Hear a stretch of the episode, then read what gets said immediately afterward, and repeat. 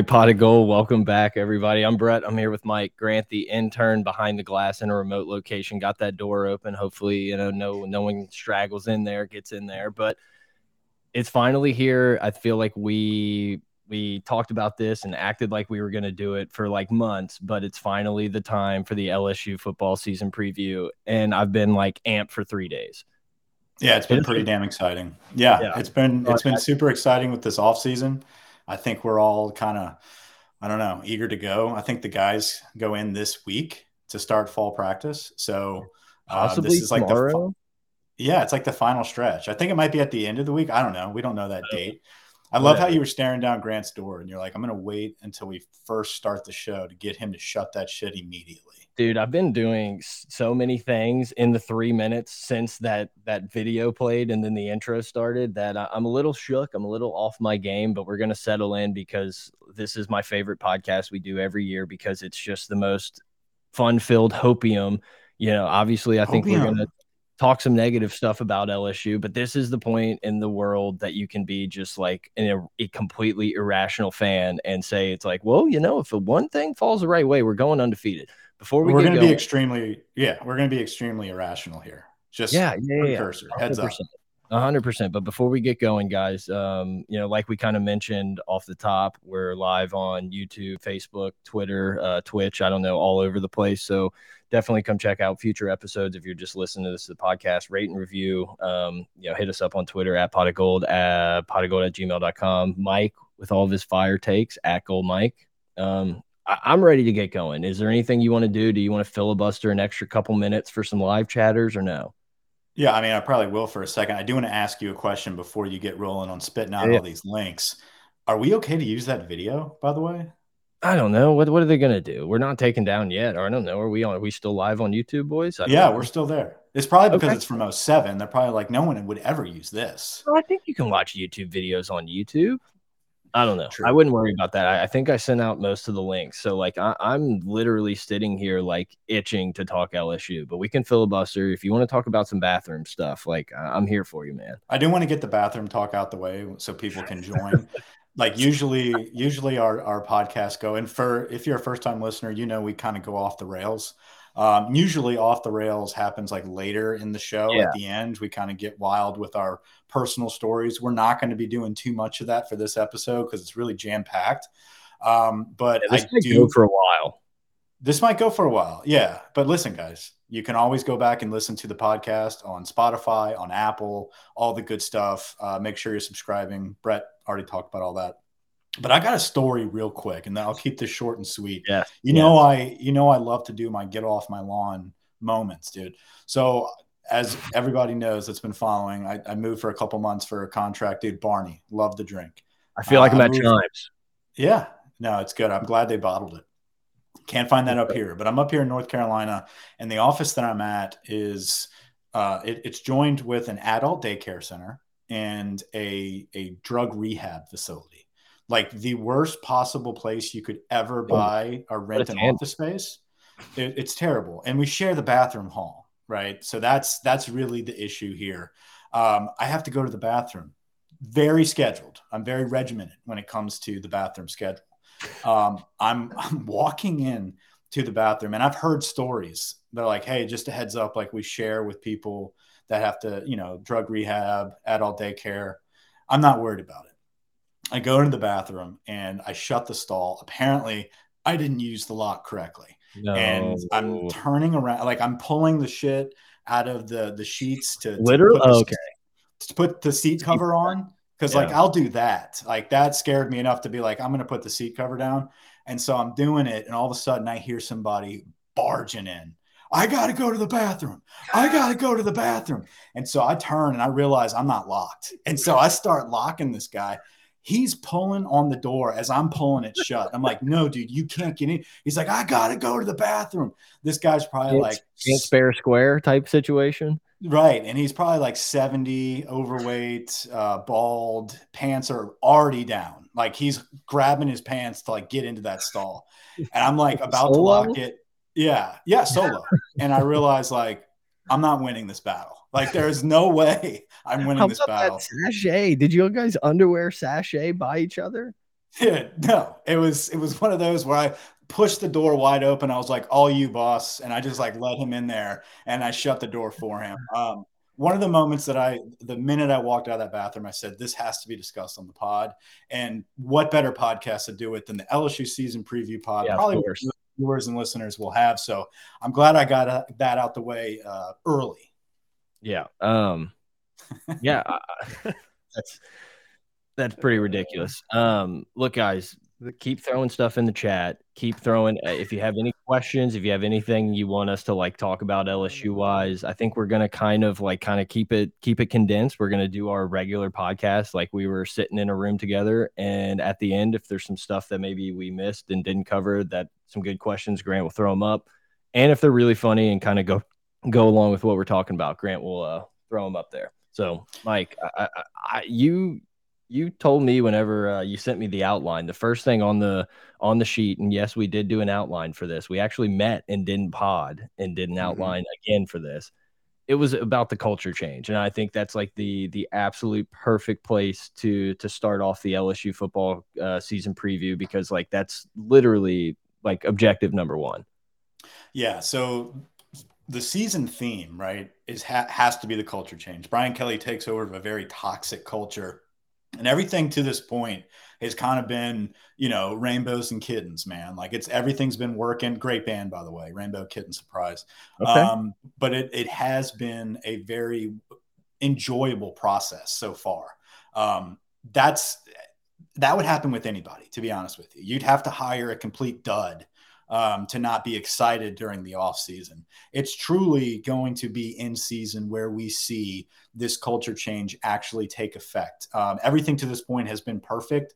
The hardest part's going to be when we start into the season, and in particular, Pate did a really good job of yes. saying this. It's like when we encounter adversity, I really believe it's that second loss. Like when that first loss happens, I think, you know, we're not going to have people jumping ship. We're not going to, like, obviously, we're going to have some idiots out there. We have a very, uh, we have a great fan base. I'll, I'll, take that back. We have a great fan base, but there are some people that will immediately throw Brian Kelly under the bus the minute we lose one game. That's irrational. That's idiotic. Yeah. That second loss, it's not just about the fans, it's about that locker room.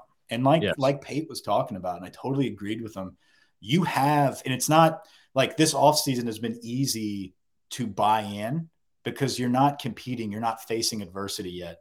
Yeah. It's when those kids face adversity, not Brian Kelly, but it's when the kids that are faking it right now, because you know there's always some leftovers that didn't leave or transfer out that want to buy in, but they're just not all the way aligned yet. And aligned is something that we're going to be talking about a lot in this podcast. But it's after that second loss where it's going to be the job of those coaches and the job of Brian Kelly to really hone everybody back in and say, don't fall back on this quitter mentality and really gut it out and and finish this yep. season because you still have everything in front of you. And I think that's really the biggest task for this year. It's not how many wins can we do? It's not how many championships do we get? How many touchdowns is Besh going to score? No, it's about are the kids going to buy in by the end or by the middle of the season if we have a couple losses? That's going to be yeah. the turning point. Yeah, I agree. Like that was definitely a really good listen. And it's one of those things that like I listen to and I'm like, damn it, he's right. Like, you know, it's like off season, all I can do is sit here and just like look at the Mason Smiths, look at the Ali Gayes, look at all these guys and just say, like, man, we are going to be so good. Oh my God, no one can touch us. But the reality is, is that this team is most likely going to drop a couple games here, maybe one they shouldn't, probably a couple that they should. And it's going to be how you react. Is there going to be leaders there that are pushing the team to, to go out and play their ass off against Arkansas after a second loss coming at Bama? You know, I, I don't know. It's going to be it, Brian Kelly. We talked about it before whenever we were, uh, you know, planning this podcast out. It almost feels like Brian Kelly's been at LSU like longer than. Yeah than he has. It's like, oh yeah, like we're just going into the first fall camp because everything feels so structured and so professional. And it, it just kind of feels like for our entire lifetime, we've talked about like, oh my God, LSU is just like a ticking time bomb. They're so talented. But it always came in this like one every four or five year mm -hmm. stint. And I feel like that has to relate somehow, some way to like the disorganization of the program.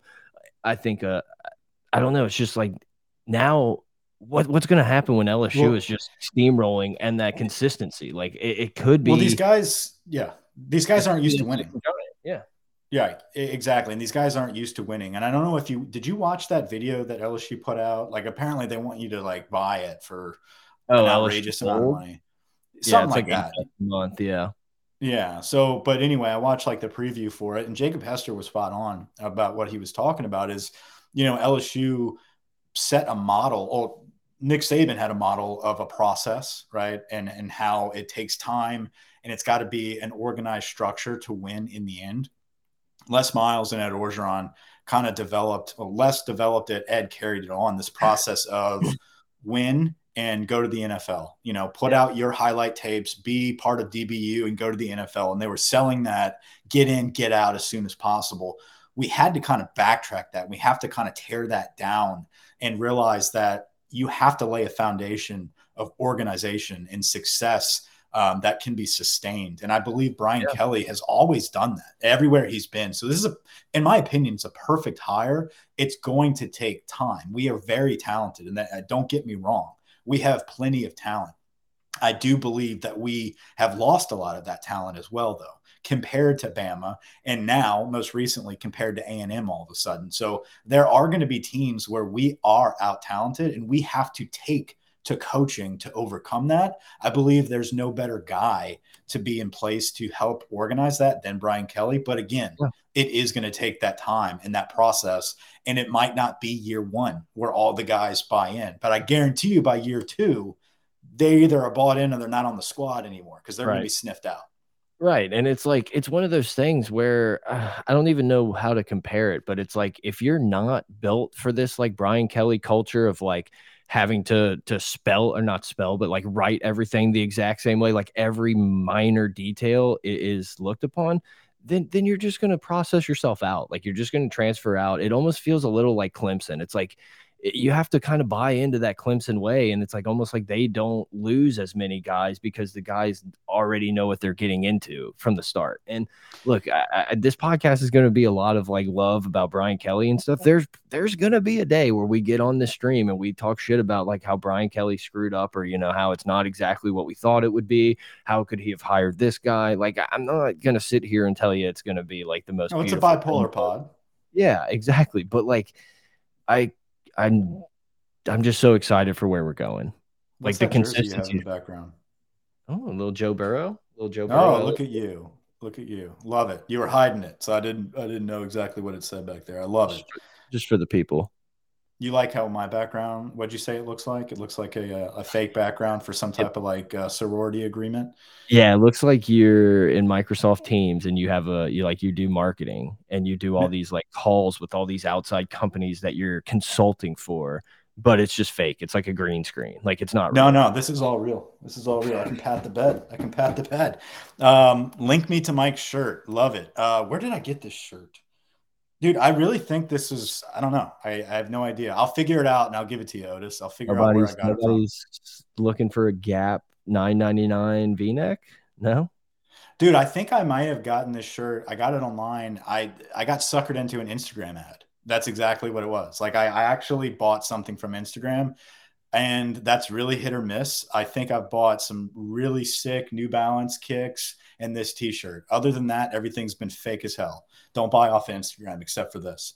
Um, but, but yeah, no, moving forward, yeah, moving forward, um, I think one of the that we're going to get into a lot of the position breakdowns. Um, but I think going into the season, obviously, culture change is the biggest thing, and a lot of people are going to brush that off and say, "Oh, well, that's something that you can do in the off season." Uh, Brian Kelly already changed the culture. No, no, no, no, no. This is a ongoing process that's going to continue into the season the next biggest hurdle going into the year, and I think it might drag into the season for quite a few weeks, is some of these question marks. And the biggest one is quarterback. So I think we're close to 20 minutes into this pod already, and we haven't mentioned the quarterbacks yet. It's going to be truly the the biggest question leading up. I mean, right now, going into fall camp, it's like, hey, who the hell is our quarterback? Because everyone's got an opinion on it. No one has given any leaks. I say that I we do have um, so I haven't sent this into the GroupMe, but I do have some connections that have some connections on the team right now and on uh, the staff. And there were some words tossed around that basically the vibe that we're getting right now is the exact vibe that's in the locker room. That Nussmeier definitely pulled away in the spring as far as his showing, and he's got the most momentum amongst the staff. Yeah, kind of. Not maybe. his to lose, not his to lose. Like it's just this is not an irrational maybe. thinking that like right. we're not just pumping Nuss up for no reason. Like it's it's got the lead everywhere. in turn one. Right. So that is so. Yeah, that is the biggest question mark going into the season is quarterback. We've got a four-headed monster they say it's the most talented, uh, you know, quarterback room in the country. Um, I do believe that it is very talented. One of those guys is not really in that competition because he truly is the future, I believe, of the Brian Kelly era, and they don't want to screw him up right now. And that's Walker Howard. I think Walker Howard is extremely talented, and he's a guy that Brian Kelly will win with, but he won't win with immediately. And that speaks a lot of, of Brian Kelly of I don't have time to develop you right now and to get my national championship year three, year four. It'll come, but I need to perform immediately right now with some of these more experienced quarterbacks. Um, so I am going to pull in a transfer from uh, Arizona State with Jayden Daniels, and I am going to pull Miles Brennan back out of the transfer portal, and I am going to pump up Nussmeier. So you have three guys that are competing very heavily going into fall. I find it very interesting that there really is no clear cut guy. Yeah. Um, you know, nothing really gets me excited like a good quarterback uh, controversy going into a season or even mid season. But if this one feels different, like it legitimately feels like LSU has three and a half guys that could go out there and, and get you your seven, eight wins that are projected by by the media and by Vegas. And it's it's cool to see because you know that going into this competition like at least at least the guy that wins this job is going to be like serviceable enough to win all the games we should. Like can we decide can we pick out that dude who can go get you those extra couple games every year i, I hope so i hope so look at look at derek look at him just look at him I I want to I want to shout out Grant real quick. Grant, the intern here, uh, who knew that it took us going remote for him to just like go all out in his job duties of being the true intern slash producer of this podcast. These Killing. images, all the diagrams, everything you see on here, he put together. So huge shout out to Grant. These look awesome, yeah. by the way. Yeah, Grant is crushing it. Got anything, Grant? Your mic's you're, not on, dude. You're muted, Grant. This That's is why you don't. Pod. No, no, no, stop. This is why you do not, you do not ever give the pat on the back because then he's going to be muted. He's like, look at me. Oh, look at me. And no. then, yeah, here he goes, try to talk mute. I'm just saying this is a huge pod, big pod, the the official LSU preview pod. So we had to go big. You go big or you go home. I don't know if every week is going to be this, but this week, no, this is the standard sure. from now on. I want okay. images. Yeah, this All is right. it. This is it. I don't know what we're gonna have images of, you know who knows? But this is this is really cool. Yeah dude i love it. Uh, uh the rom comment for grant truly is. It's Jon Rahm down there. I do believe you have a little bit of dustin johnson mix in you. Uh, a little I'm curious a little. Yeah. on a good day. Yeah yeah. more more of the never mind. Um but let's go back to the quarterbacks, and okay, I, yeah. I do I do want to go and circle back and kind of go through each one of them here. Well, okay, um, hold on, hold on, hold on, because I think this is I think this might surprise you in the last 30 hours, I've changed my mind, and I think Miles Brennan takes the first snap, and Jayden Daniels finishes the game against Florida State, and Jayden Daniels is the quarterback. For like for the whole season. I mean, I, it, obviously, I think it's you know not week to week, but I think a guy could jump up and win it, and maybe finish the season. Maybe Nussmeier gets his shot and comes on, but the more I think about it, the more it just feels like Miles Brennan gets that first snap as like a here's your bouquet of flowers on senior night. Um, and then maybe we'll see. Maybe he's diamonded up, maybe not. And I think Daniels gets put in for like, you know, a special package and then just starts running wild and and doing some electric shit. And they're like, well, fuck, this is our guy.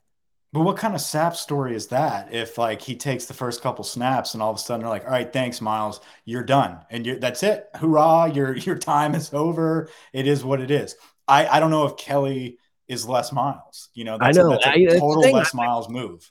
My exactly. My brain has been melted by one NCAA football and two, like just living under the Les Miles and the the Ed Orgeron regime of like, well, let's check with his dad to see if his dad's cool with this, or you know, anything that sounds so ridiculous, like that's the shit that happens at LSU. And is it like, no, do we have the CEO and Brian Kelly now, who's just like a consummate fucking professional, and that shit doesn't happen? I don't know. Look, and look, your take there is not surprising.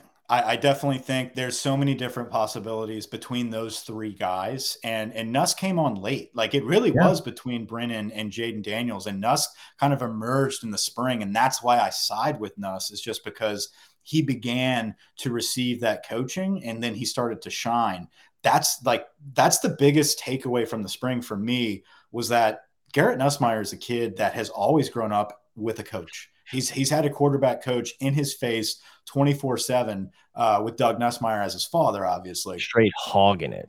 Yeah, no, always, always a dog, always hogging it. Definitely Copenhagen straight. I don't think, I don't think, um, you know, Garrett is is that type of cat. He's more of a Zen guy like us. Uh, but I do believe Garrett Nussmeier has moved forward into receiving coaching. He didn't have coaching worth a shit last season at LSU. He moves forward this year, um, this spring with Mike Denbrock, Brian Kelly, Joe Sloan. And who emerges out of that group during spring when you finally get true coaching? Garrett Nussmeier. So I think he's a guy that's only going to keep getting better and he needs that structure. Like he's a he's a firecracker, dude. Like you don't know what's going to happen with this cat. He will can go crazy and throw it, you know, 500 yards a game, or he can throw 500 picks a game. He's got such balls. His his confidence is incredible. Um, but you gotta you've got to mold him. You got to have a good structure with him. And I think we have three guys and three coaches, is what I'm saying. Three coaches that are going to be on these quarterbacks. I think the one that can take to coaching the best is going to succeed. And we saw that happen in the beginning with spring, and that was Garrett. And I think this whole offseason, it's begun, it's it's transformed. And then this fall camp, I see him separating with an additional few weeks of that three-headed coaching monster getting on Nussmeier. That's what leads me to believe it, it could be Nuss. What leads me to believe that in another world it could be Jayden Daniels is the offensive line. And I think that was one of the biggest reasons why you bring in Jayden Daniels from Arizona State is he is so mobile. This cat can fly. He also has a good arm. Like I'm not taking anything away from his true quarterback abilities. He's right. not just an athlete. Like he can play quarterback, but, but he can escape the pocket. Yeah, anytime you have that ability to be like a, a running back, it's not like you're like, oh yeah, he's pretty spry for a quarterback. Like, no, this dude's got like, you know, running back speed. Absolutely. And I, I do believe that we pulled him in because we're redoing our entire offensive line. Like the O line sucked ass last year. We believed enough in, in uh, Brad Davis that he can piece together a very solid offensive line, but we need some new pieces. Tremont Shorts, uh, Will Campbell, uh, Miles Frazier. Like we have a lot of new faces in there.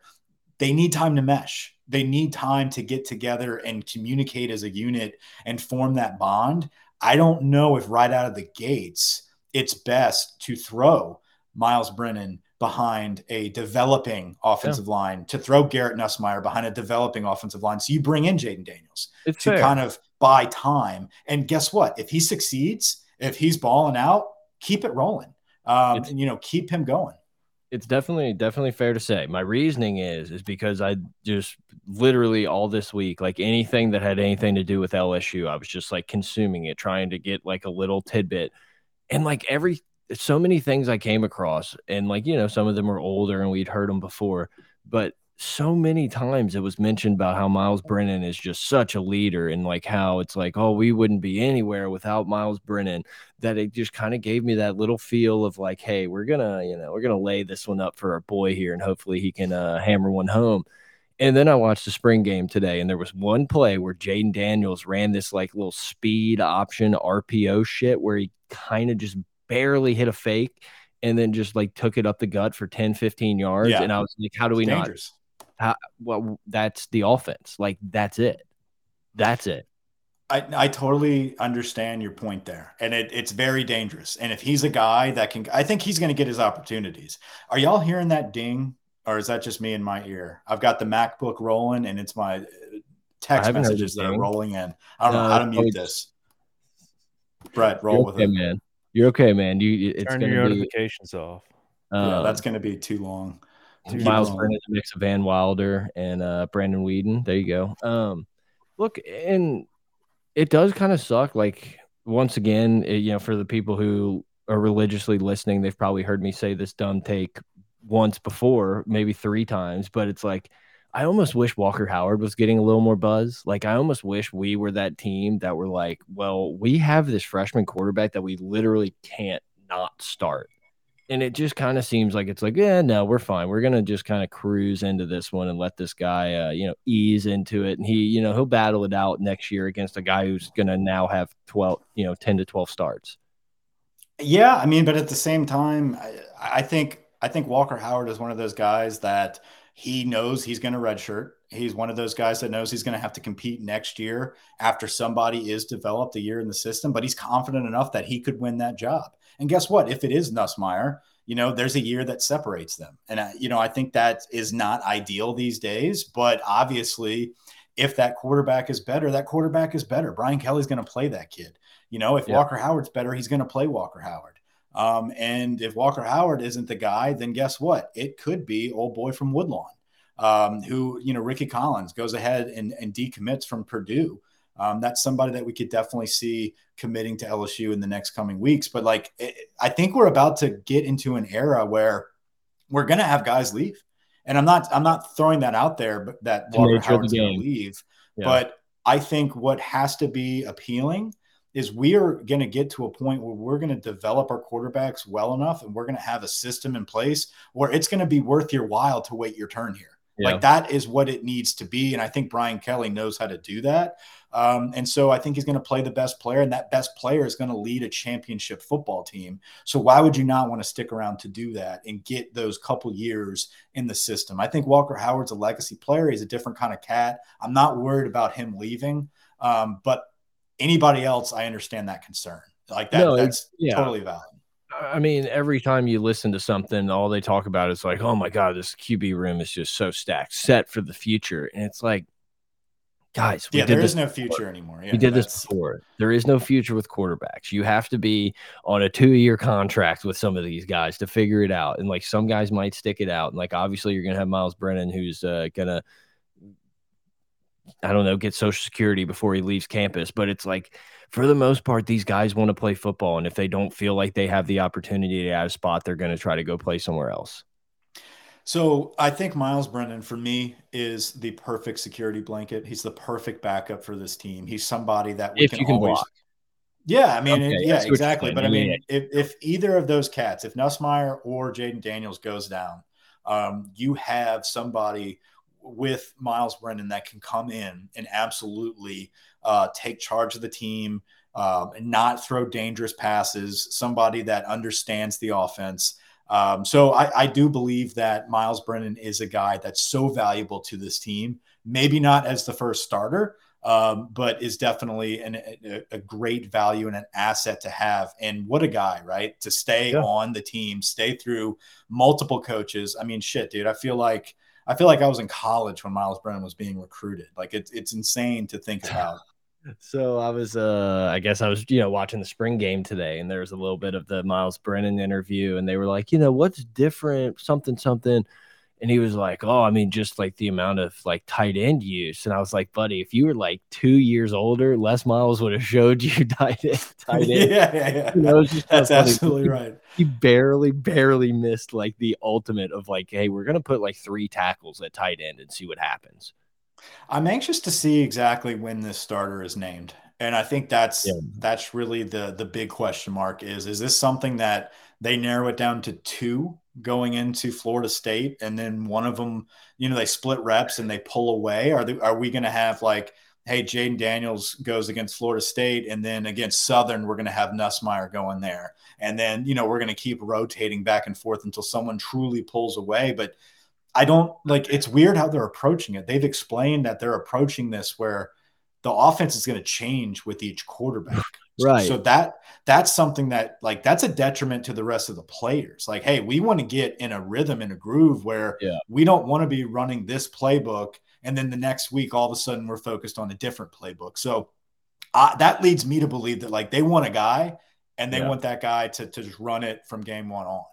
Yeah, and you know, like I doing research for this pod, I went and looked up a few uh, Cincinnati games, and I just kept watching, and it's just like Jayden Daniels is the guy. Like it's just like when you He's watch very similar to Desmond Ridder.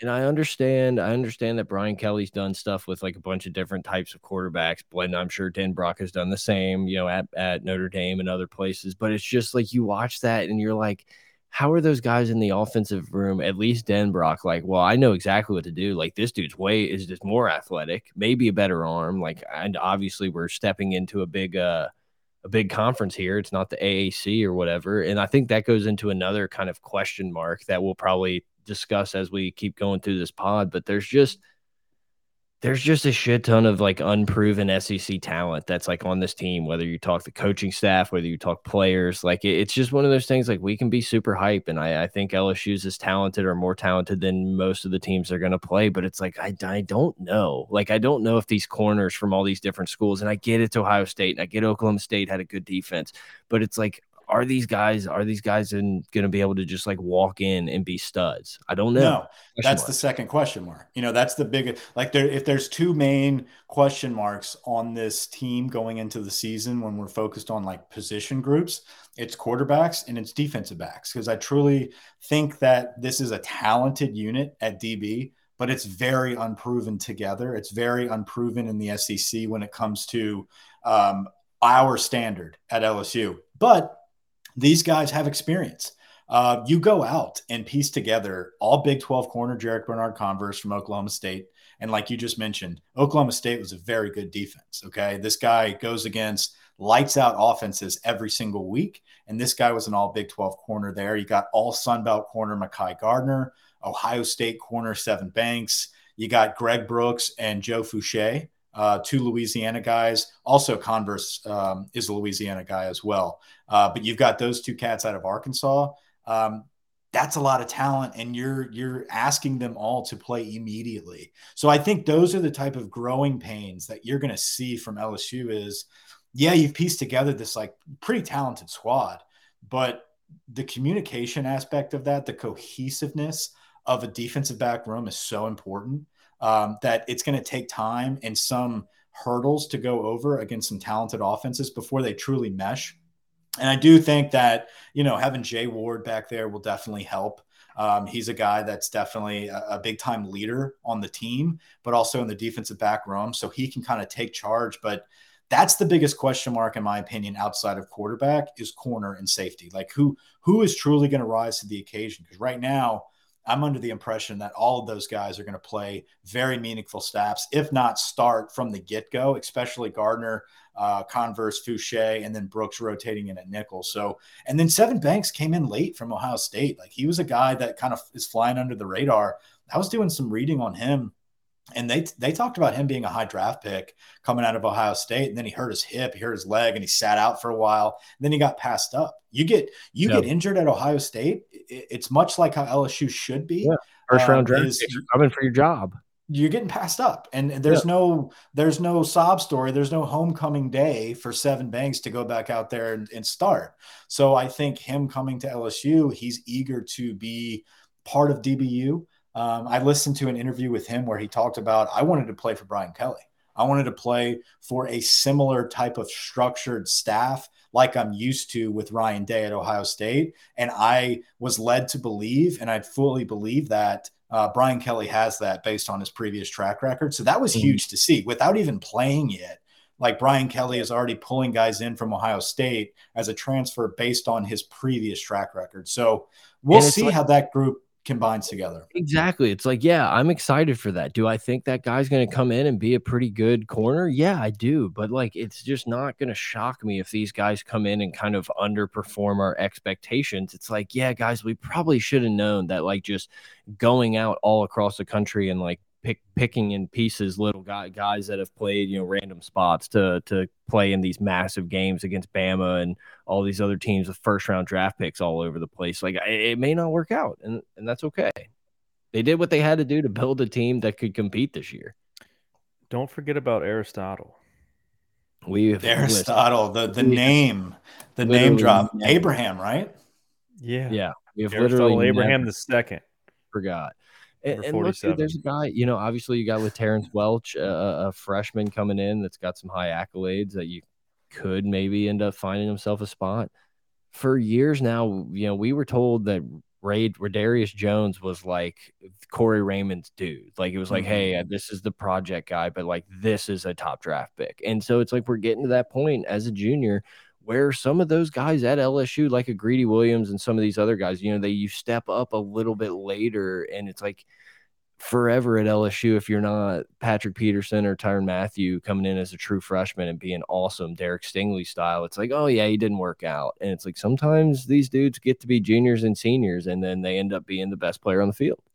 Absolutely. And and look, he's got great competition around him. Kind of looking at this this roster though, looking at this image that you brought up, Grant, it, it scares me about what happens the following year. Like we need to load up with some Right. dudes in this recruiting class.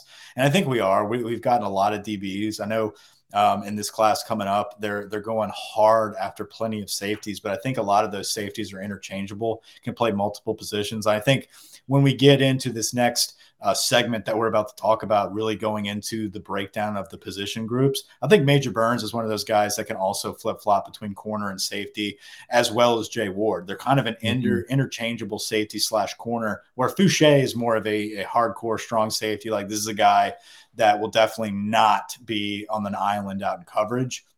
Um, but we do have some safeties that can do that. Yeah, he's, he's a Craig Loston. He's a Craig Loston, dude. Hopefully he has a few more picks. I started watching instead of like preparing about like current stuff and watching games from like a year ago.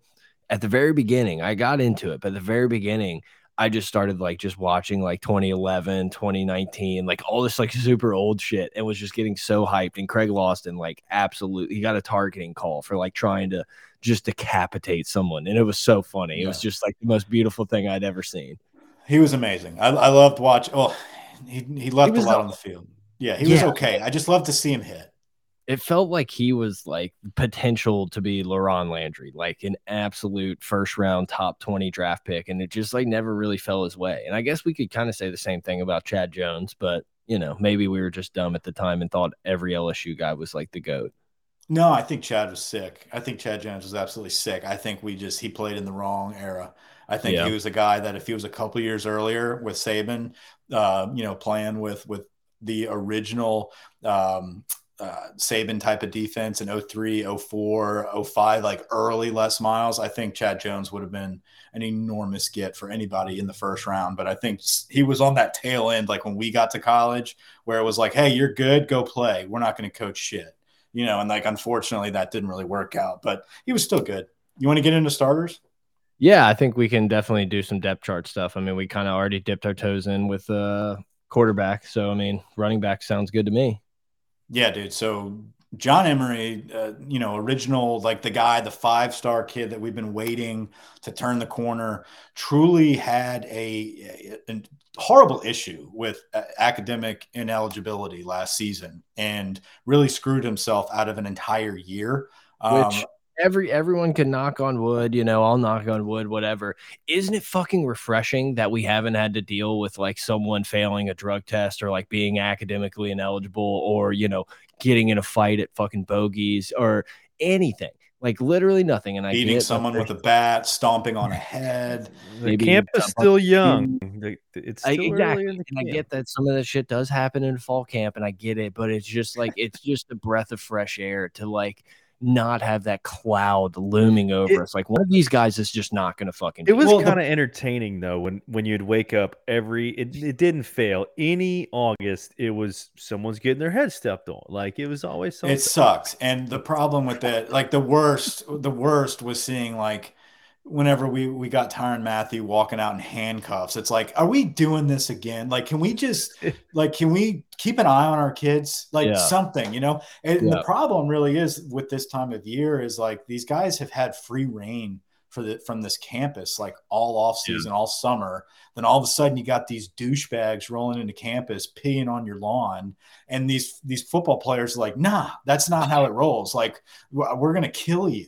And Yeah, all of a sudden you realize like, no, no, no, no. Like you, we live in a society. Like we can't we can't. You may be the alpha of Sigma Chi, but like I, I, I don't can't be the alpha of Freds tonight. Like that's not what's happening here.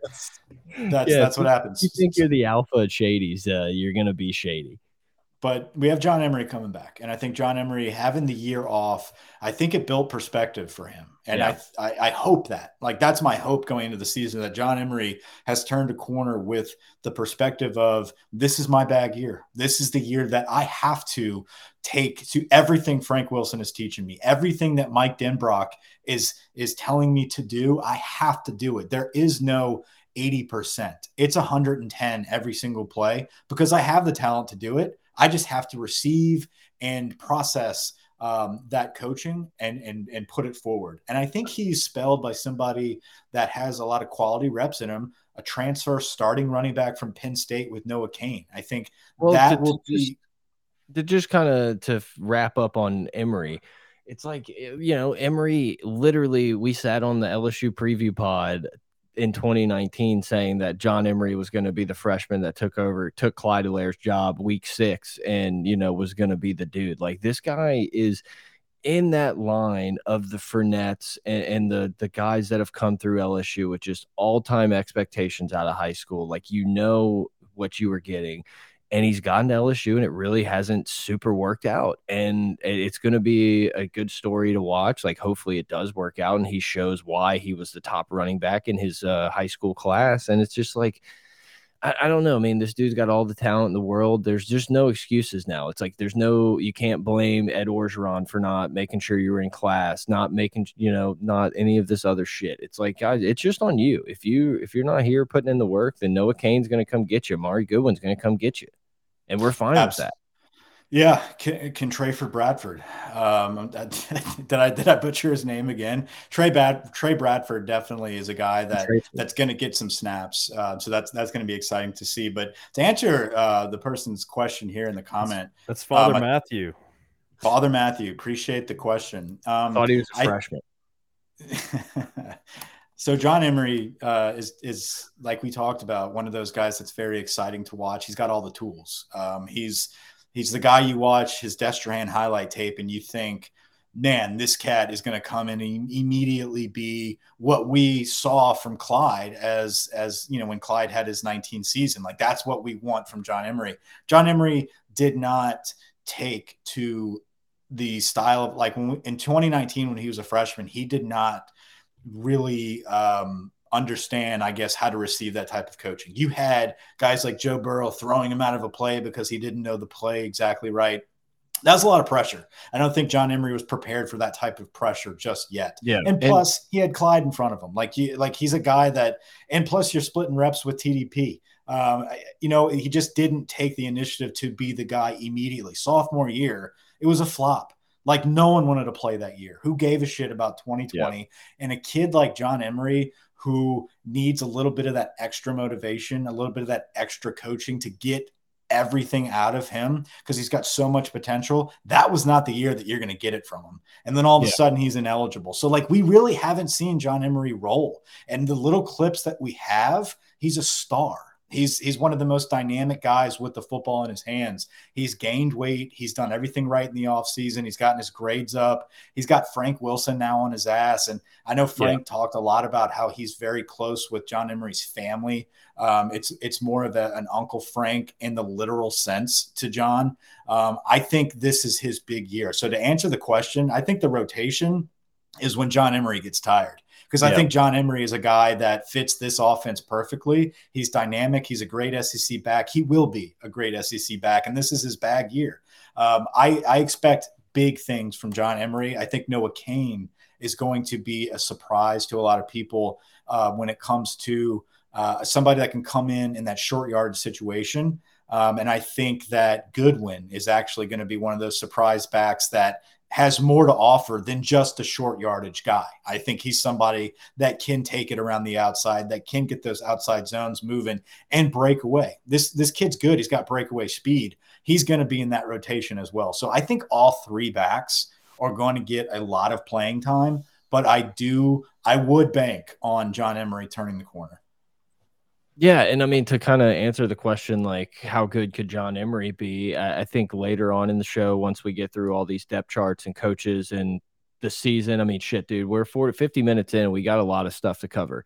But to answer that question, like I think he is a guy that not not as many not as many people are talking about, but could be an all SEC, maybe a second team back, where you're just like, oh shit, like yeah, you know, he he ended up being turning out and also at the same time, it's like I look at this look at this sheet of all these these running backs: Emery, Cain, Goodwin, Contrayford, Bradford, and, and Williams. It's like I can't sit here and tell you like I'm a thousand percent sure any of these guys are going to be awesome. It's like there's just not a ton of like proven on the field things that that can get me in this running back room. I think it's potential through the roof. But like if you're asking me right now, it's just like, yeah, I think so. I think so. No, I I think I, I think potential wise, I think we've seen what Emery has to offer. I think we've seen the big runs. I mean, his run against Bama like was beautiful. times. No, no, and that's that's why my point is like you've seen it, so you know what he can do.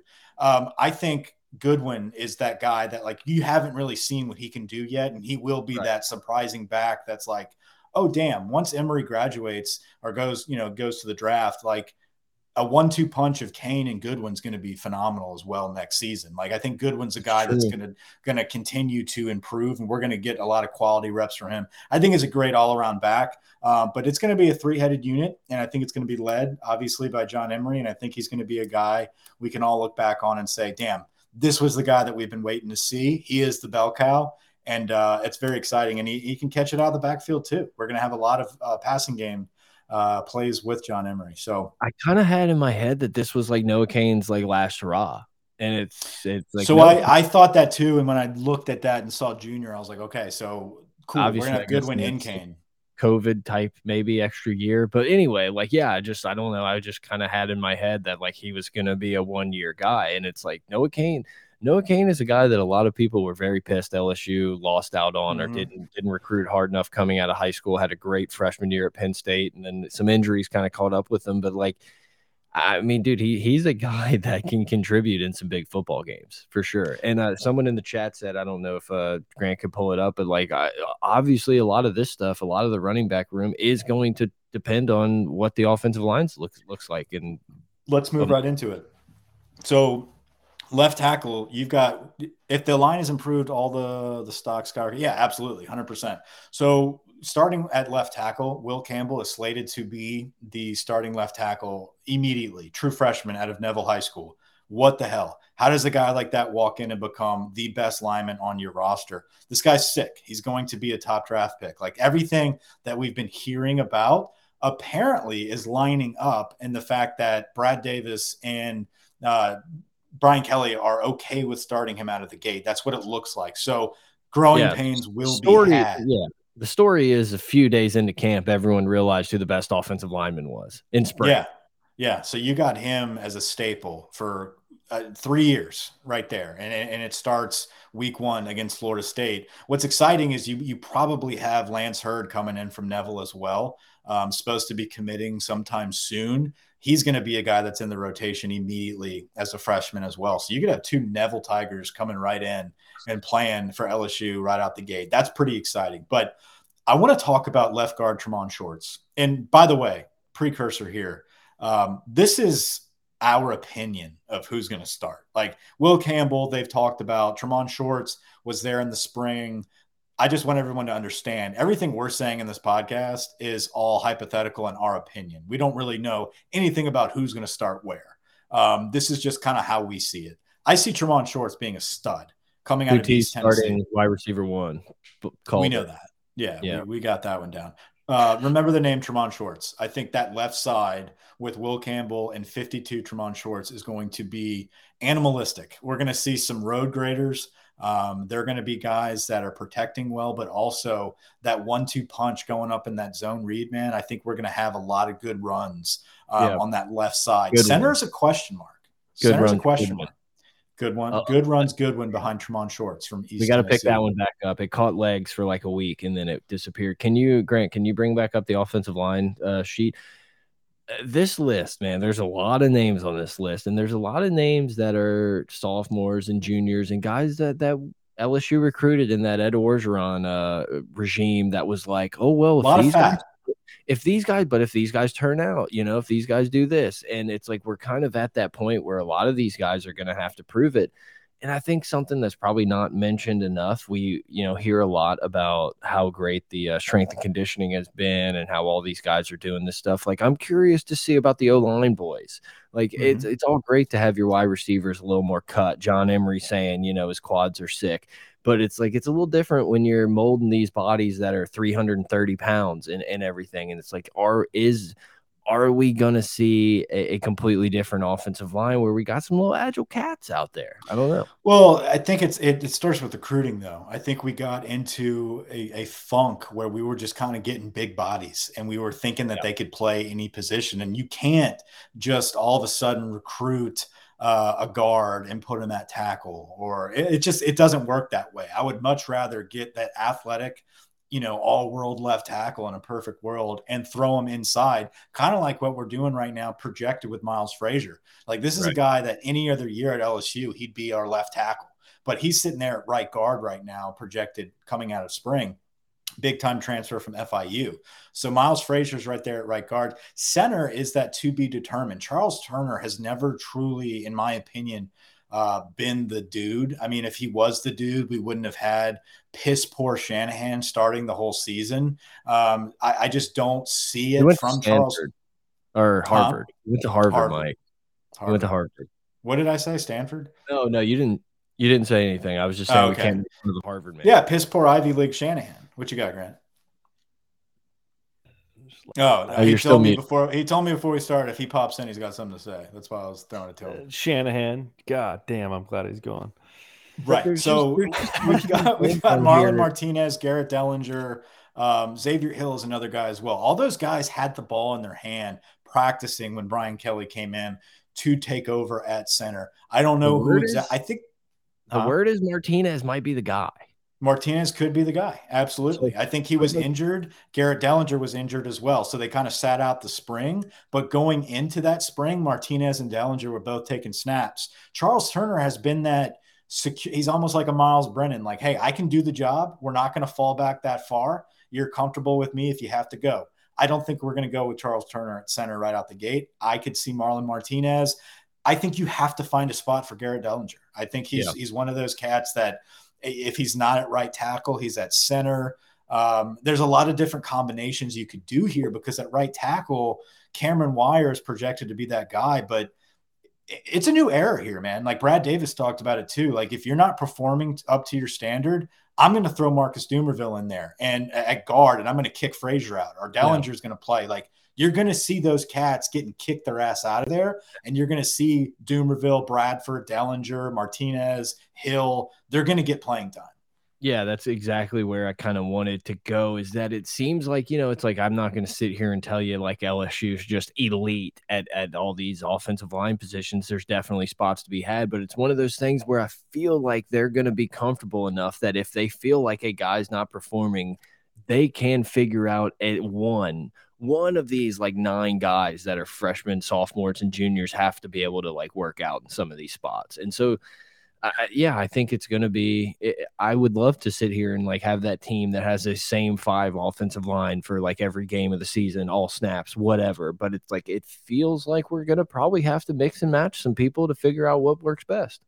Absolutely, uh, but I do I do think that Grant looks like a douche. Robert, uh, that's funny. Um, I think uh, Garrett Dellinger and Anthony Bradford is definitely a guy that's come out of Brian Kelly's mouth a lot, and he's never really seen him play. Like he's somebody that he's he's high on Bradford getting in shape this offseason. I could see him being someone that they want to get on the field. I think Bradford is a cat that squeezes in there at guard, and whoever is not performing well, whether it be Cam Wire not holding down his end, you're going to have Miles Frazier, the FIU transfer, kick back out to right tackle. So a lot of different combinations here. I'm anxious to see what they what they have, but promising. The most promising group as a unit that we've seen in some time going into the season. Can they can they put it all together? Obviously, Brian Kelly looks highly on Brad Davis, so he trusts that he's going to get those guys to compete and get the best out of them. So we'll see. I want to talk about some uh, receiver though, so let's just kind of gloss over tight end. What do you say? Yeah, I mean, look, it, it was interesting. Brian Kelly mentioned that he would like prefer slash possibly would like have a tight end on the field for every play. And it's just a little interesting when you look Scared you a little bit, didn't it? Yeah, a little bit. It's like, hey, buddy, you know, five wide, and we got a lot. Of, what's put Noah Cain and Emery in the backfield together? Like, fuck it. They're gonna do it. They're gonna figure it out. I, I think. I think Denbrock – uh, between Denbrock Sloan and, and Brian Kelly and hell, Frank Wilson. I mean, like they're going to come up with the best uh, group to be on the field. He wants a tight end on that field. Look at who he's recruiting. Look yeah. at our recruiting class, and you look at the tight ends that we're bringing in. It's going to be the type of dudes that we look at and say they need to be on the field. Like you, you can't have like a Travis Kelce type of cat hanging out on the sideline. Like that's who he's going to want jumping in and playing tight end for him. So I think he's going to want to establish that routine. He's going to want to establish Mashburn or Cole Taylor as part of that offense for the future. I think as this offense evolves for the next few years, you're going to see that tight end position become elite. And it's going to start with these guys. They're not elite by any means, but that type of mm. offense is what he's going to want to be going for. Yeah, weirdly, I kind of am a, a, little bullish on Cole Taylor. Like it feels like if anyone was going to maximize Cole Taylor's skill set, I mean, once again, let's not forget two years ago we were doing, or three years ago, whatever, we were doing a recruiting pod talking about how this kid's a matchup nightmare and we can't wait to see him in the red zone. And it really hasn't worked out in the the couple years that he's been at LSU, but – Brian Kelly has been like a consummate professional when it comes to like getting tight ends in the offense and having them produce. And it's like, oh, hey, there's another big ass white guy that just getting first downs on the regular. Why can't that be Cole Taylor? Could be. Um, I haven't seen what I expected out of Cole Taylor. And again, it, it's just not fair to to kind of say that to any of these guys at LSU because they've been coached by buffoons and they've had to deal with like some serious issues since they've been here. Um, so it's like it's yet to be determined on how good these kids can really play. Cole Taylor, I had really high hopes coming in as a freshman. Like watching his highlight tape, I thought like this dude's enormous. He's playing wide receiver. We're going to bulk him up and make him a big time tight end. And he just kind of looks soft when he's in there blocking. It's like he doesn't want to get hurt. It just there's there's yeah, a lack I, of physicality that that I'm just kind of like I, he's got to do more. But I think Brian Kelly is in a similar boat where he's thinking I want more out of him. And I'm kind of surprised at what I saw in the spring game. I, I, expected him to be a little softer, and he looks like he's gotten a little bit better. Yeah, I mean, he called him the wrong name, and he said he's shown that he could be more than a pedestrian football player. If that's not a compliment, Mike, if that's, that's not a, if that's not a ringing endorsement on who the starting tight end is going to be, I don't know what is. No, uh, maybe that's just a northern thing. Maybe that's just a Yankee uh, a Yankee slang. It's just like what like I just can't imagine Cole Taylor getting home, like nestling in, like watching the game, and he's like, "Oh, coach talked about me, called me the wrong name," and he was like shocked that I didn't suck ass. Like it was just one of those yeah. things. Like he saw me, but like I don't know. Uh, Chris in the chat posted, "I'm going to be sad if we don't roll three to four wide receivers all the time." And it's like I, I think Denbrock, I think we're we're good on that. I, I think once again, I still like I'm picturing a zone read offense, a uh, RPO offense in my head now, and we're going to have a lot of receivers. I'm not going to worry. no, I, I, think what, and, and, to Chris's point, I I think it's going to be one of those deals we're going to have to prove it on the field, and I think once we start getting those matchups, once we start utilizing Kayshon, Bech, Nabers, Brian Thomas, like I think they're going to see that as well. Like we're so used to those guys, like we know what LSU receivers can do. I think Brian Kelly and Mike Denbrock and those guys, they're in that they're in that Midwest. They're in that, hey, we're going to have a tight end involved in this offense. I don't think they truly know. Like these guys are very seasoned coaches. I'm not going to like take that away from them. But like once they see these cats under the lights, they might have to readjust and say, you know what? We can't afford to take Brian Thomas off the field because he's a matchup nightmare outside. Like, and if if they have to uh, put someone extra deep for Brian Thomas to cover him, guess what? We've got Bech wide open across the flat. We got Kayshon Boutte, who is the best receiver in college football. Malik Nabers is going to be wide open now. Like it, it's just it's a it's a matchup nightmare. I do believe as the season goes on, um, you're going to see less tight end probably because I see I don't anticipate Mashburn and Cole Taylor shining or outshining Brian Thomas, Malik Nabers, Jaray Jenkins, whenever they get their chances to be that fourth man out. Can we can we hop in the circle, the circle of trust for like just 30 seconds? Do we have Sure. trust in Denbrock? Are we like fully? Are we like all in on on Denbrock? Dude, I'm Are all we- in on all of them. It's preseason. Like we're we're it's not we're after who knows, dude. It could be it could be Florida State game where I'm just like throwing a beer bottle down on the uh. Superdome, being like, "Fuck Mike Denbrock. What were we thinking? We Yeah. should never hire never hire anyone over 50." That's I that's had exactly no where- idea where Brett was going with this. That's exactly where I'm getting at, dude. It's like I'm not there there's yet. just this, there's just this part of me that it's like, are we doing a Pelini experiment here again? And I get it's different, like it's not fair to say, but it's like, dude, I'm telling you, all I've thought about for the last like four days is just like any possible scenario, and I'm just like, what if, what if Denbrock's like gets in here and he's like, oh fuck, like these defenses are way faster than I thought. Like there's a there's a possibility that It's some true. That's true. But My- he also has uh, years of experience and what he has done most recently with Desmond Ridder. Desmond Ridder was not Desmond Ridder until. Mike Denbrock got a hold of him. Like, he, like Cincinnati and Desmond Ridder were not. S- It was not like this undefeated, beautiful Cincinnati offense. if we talk ourselves into Jake Peetz, we can talk ourselves into anyone. Exactly. Absolutely. Vinny, hundred percent. And I think right now we're we're what I try to forget going into this year is that Brian Kelly was trying to go all out to get old boy from Notre Dame. Like he wanted the young kid, um, uh, Rees. He wanted Tommy Rees, Rees, yeah. to come in and, and be the OC. Um, and he didn't. And then he went on the opposite end of the the age spectrum and went and got Mike Denbrock. That also tells me like he trusts Mike Denbrock. He he knows that like I, if it's not Tommy Rees, I'm going with a guy that I know will be good for what I want to do, laying the groundwork and the foundational pieces of this offense. Like I think he's a good teacher. I think Yeah. we have to establish like the, the talent's got to get back in here. We need the system to be in place. And then I can see Mike Denbrock kind of being like, okay, I'm going to pass the reins to Joe Sloan Yeah. or, you know, something like that. I just worry that like last year it was like, fuck, man, Memphis is stacked. We got to figure out a way to beat them. Now it's like, well, Memphis would be the 12th team on your schedule.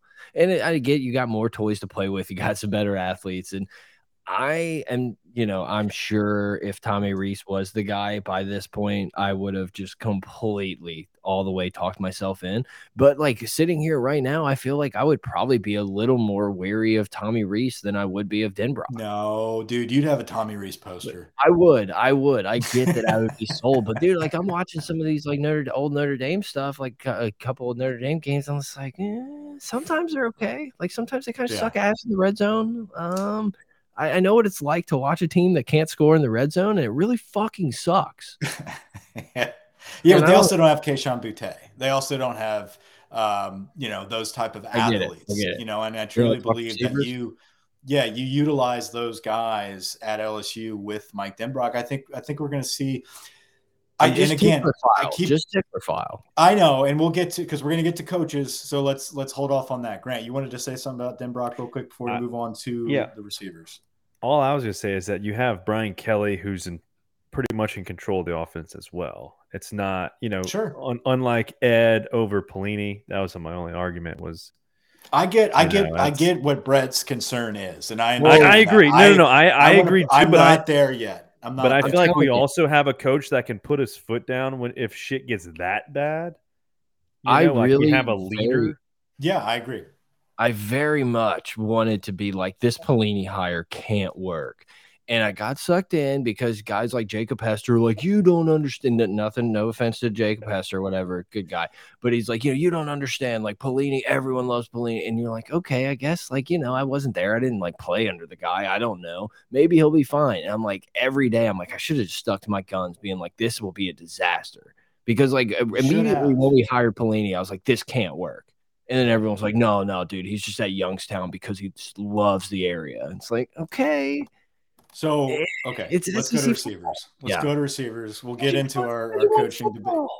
Go play Uh, intermediate, brother. I've got my four as Boutte, Bech, Nabers, Brian Thomas.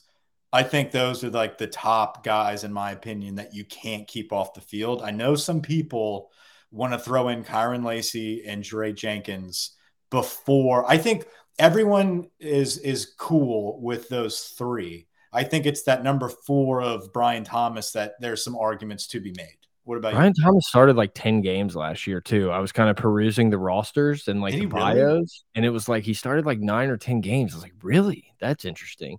That's I agree crazy. with you, man. Like, I, obviously, when you look at this wide receivers room, it's a complete embarrassment of riches. All these guys, like someone said in the chat, all these guys are, are Louisiana guys, which is awesome to see at a skill position. That is tight. And uh, you know, a lot of these guys are really young. Like obviously, Boutte is going to be uh playing in the NFL this time next year, but all these other guys, you could you can outside of Jaray Jenkins, you could kind of see on the team. Malik Nabers is another guy that like one of those that I could see maybe not like sneaking into an all SEC team, but one of those guys that like the entire league knows about that's not talking about like preseason that gets no preseason hype. I think Nabers could end up being that guy who maybe has like a ridiculous amount of touchdowns and just kind of catch some eyeballs. But it's like an embarrassment of riches. Like I said, it's like if if you're telling me like Chris Hilton is like the second or third like guy off the bench, it's we're in a good spot. Agree. And same with Kyren Lacy. I think Kyren Lacy coming in Right. from UL is, is a really good player. Dre Jenkins, um, you know, th- there were some of the coaches were talking to Jordy, and I remember it, it stood out very vividly that like his best his best asset is he's so he's good at at being dependable. He's a guy that can always come in um, and and perform for you, just like he did with the touchdown winning catch against uh, Texas A&M last season. He's a very dependable guy that is a leader. I think Boutte and Bech, it's very that's a one-two punch that's so freaking dangerous. Dangerous. I was about to say dangerous, uh, like a child. Uh, but he he is unbelievable. Uh, Boutte is unbelievable. I can't wait to see a Kayshon Boutte that is fully healed, uh, fully ready to roll. Are we laughing at? Are we, are we laughing at the comments? What are we doing? Sorry, I got lost. I was gonna say we're gonna have to. Holy shit! I always thought Grant was an Asian when I listened to the pod. No idea why. That's unbelievable. That is a. Can we just leave that comment up the whole time? Yeah, that one, that one might just stay. That one might be the backdrop of the YouTube. that is an all-time chat comment. The albatross. That was But huge. I, I think I think we're gonna have to finally get into involved in the chat a little bit and argue with our, our friend, good friend of the program, Lamar K. Stevens, saying that he's not sure about Bash. Not sure about Bash. Well, uh, I I am. I am. Yeah, no, Bech is going to be the dude. You'll I let's let it let's let it play out on the field. I think Bech Yeah. is definitely number two for me. I think he's number two for most people. Um, Malik Nabers, Malik Nabers really reminds me of one of those guys that uh, it's al- almost like a Bama wide receiver situation where you know the top two guys, and then all of a sudden you got them guarded, and then Bama throws in like this third receiver that's wide open that makes like a circus catch. You're like, son of a bitch, who you're was like, that? Who is this Mechie guy? And then three years later, he's a first round. Yeah, I think. Nabers is that type of cat. completely agree. I the way I kind of see it playing out, and once again, my life and my entire football everything revolves around NCAA football, the video game. But for me, it seems like it's going to be Boutte and Brian Thomas on the outsides, and then you're just going to have Bech and Nabers being absolute fucking problems in the slot. So uh, Chip just messaged me that home field is where I got this shirt off of Instagram. So There we go. I uh, think that, dude went I, to sleep. The one that- guy that wanted to know.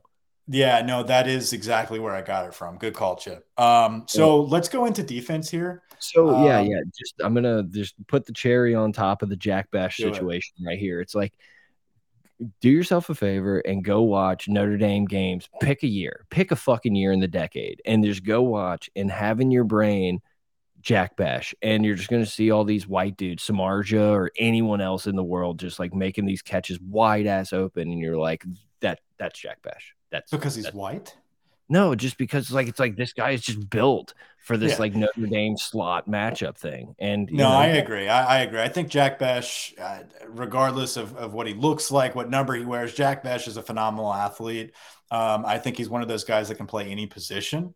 And you look at how he's just now receiving wide receiver coaching. Um, he's only going to get better and better. Listen, Jack Bech is a leader on the team. The kids love Bech. Uh, you would, I guarantee you, if you asked anybody in that locker room outside, uh, who outside of Kayshon Boutte is the best athlete out here, they're going to say President Bech. That's what they call him. That's like his nickname on the team. Um, the kid's a freak. He's gotten bigger. He's gotten stronger. He's gotten faster. Um, I can't wait to see what Bech can do this season with someone like Brian Kelly really utilizing his skill set. Brian Kelly wanted him like crazy to go to Notre Dame. Like they have yeah. history. Um, so yeah, it's going to be a good fit. I'm not worried about that. I think he's going to easily be the second best behind Boutte. And yeah, and there's going to be some sick wide receivers that just don't get a ton of reps this year, and it's just going to be the nature of the beast, especially if you have guys stay healthy. I mean, yeah. Boutte is literally a top three wide receiver in the country. These other guys have potential in a year or two to be those guys. So we'll see. NFL Sunday Ticket is now on YouTube and YouTube TV, which means that it just got easier to be an NFL fan, even if you live far away. Like maybe you like the Bears, but you're hibernating in Panthers territory. But with NFL Sunday Ticket, your out of market team is never more than a short distance away, specifically the distance from you to your remote control. NFL Sunday Ticket, now on YouTube and YouTube TV. Go to youtube.com slash presale to get $50 off. Terms and embargoes apply. Offer ends 919. No refund. Subscription auto renews. D-line is arguably could be the best defensive line across the board um, in the SEC. BJ Ojulari, he's he's up for every award there is for a defensive end, um, a defensive player, a pass rusher, um, a guy that I I believe – has not had the best coaching either. And he's finally yes. going to have that guy uh, with Jamar Cain riding his ass and really being somebody that puts him in the right position to succeed. Um, and he's bulked up. He's a team leader. He was brought to SEC Media Days for a reason. He's a representative of the defense along with Mike Jones. But hell of a model B- American. He is. BJ's a good cat. Um, I, I'm I'm happy to see him be one of those guys that didn't bail and and get recruited back to the Georgia uh, situation with his brother. Um, I'm excited to see what BJ can do. Uh, Jaquelin Roy, I mean, th- this guy is is up for another amount of awards. He's also projected to be one of the top draft picks from the defensive line group. A guy that's not really talked about enough. Like he's in everyone's projected D line draft class, but like no one wants to mention that going into the season other than NFL scouts. Like Roy is going to be a problem. Maason yeah. Smith, this guy's going to be drafted first day, easily first round.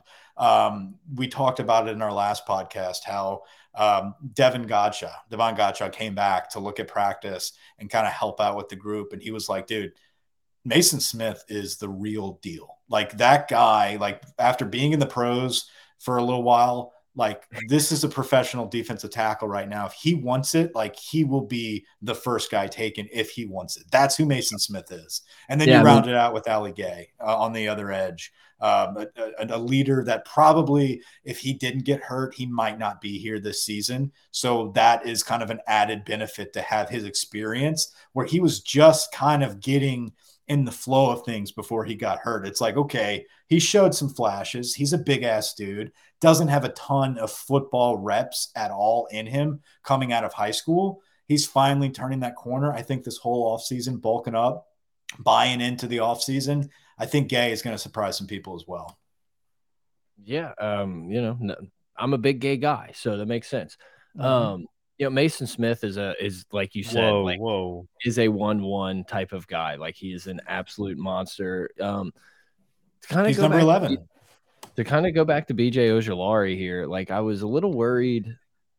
I'm interested to see, and we're going to talk about Matt House. I'm very interested. I'm very excited for the defense. I feel like just because of this Brian Kelly stuff and quarterback controversy, like defensive uh, schemes and what House is going to do has just been like completely overlooked in these like first these these you know six months since he's been hired. But it's like I started going back and looking at some stats today, and it's like uh, Ojulari had seven sacks, and I'm just sitting here like yeah, but like four of these came against Central Michigan, McNeese, and some other team that doesn't really matter. And it's like, so he had three in games that mattered. It's like, am I? I, don't know. It's like, do I want to be the guy that's like, I'm not so sure about Ojulari and like hope to be right? Like, obviously, I hope he's awesome and everything, but it's like that Who on this team and coaching staff are you sure about, Brett? I'm hearing No a one. lot of doubt. That is the point. Absolutely no one. We got to we got to have some devil's advocate in there. We, Frank- I, no. I, I'm I'm with you. I'm with you on BJ. I get it, but I also feel like, you know, he But had to the- go against some. the difference the difference year. is we have Roy and Smith. That's what you're gonna have to go against dudes this year. But by my whole point Yeah. is, is that we're gonna get to see him kind of play in this role where Matt House took Josh Allen and made him a first round draft pick in this exact same position, making plays. It's like I, I hope that's what we end up seeing, and it's like, oh yeah, we knew this was coming. if but I'm his weight is correct according to this roster, like I'm a believer. This says he's 250. This is from LSU's website. I think he's I, I know he was not 250 last year. No, he's he's bulked up. That's what I was saying. Like Yeah. he's he's bought in, he's bulked up. Him and Ali Gaye have both gotten bigger. I think the difference, though, Grant, is that uh, Roy and Maason Smith being in that interior, as well as Mekhi uh, Wingo. Wingo, Wingo, and Wingo. Uh, Jacoby Guillory. It's Those Wakivius, guys- I think. What? It's Wakivius, I thought. Wakivius Mingo? No? Okay, never mind. I don't think so. I don't Just a so. joke. It was a joke. It was Barkevious. Damn Mingo. it! Damn it! It's- I know he's talking about Wingo. No, But I think I think Roy Smith, uh, Guillory, and Wingo, that like four-headed monster in the interior frees up so much with those edge rushers that you are going to get less of a protection against or- Ojulari, and he will be free more this season because of those two animals in the middle. I think that's where Ojulari kind of has that potential to break out as a star. Um, I think he is better than like an Arden Key. I think he is better than a Barkevious uh, Mingo. I think he's he's that type of character. Um, but I think he's just a little more solid. I think he's a little more stout than those cats. Ali Gaye is just one of those secure guys on the edge there. So overall, I think the meat, the meat and potatoes are going to be right there at D tackle. Um, and I think the edge rushers just are going to reap the benefits of that madness going on in the middle. I really think we're not talking enough about Roy and Smith. I mean, we are, but like They're- the they're- national media is really not, they don't know.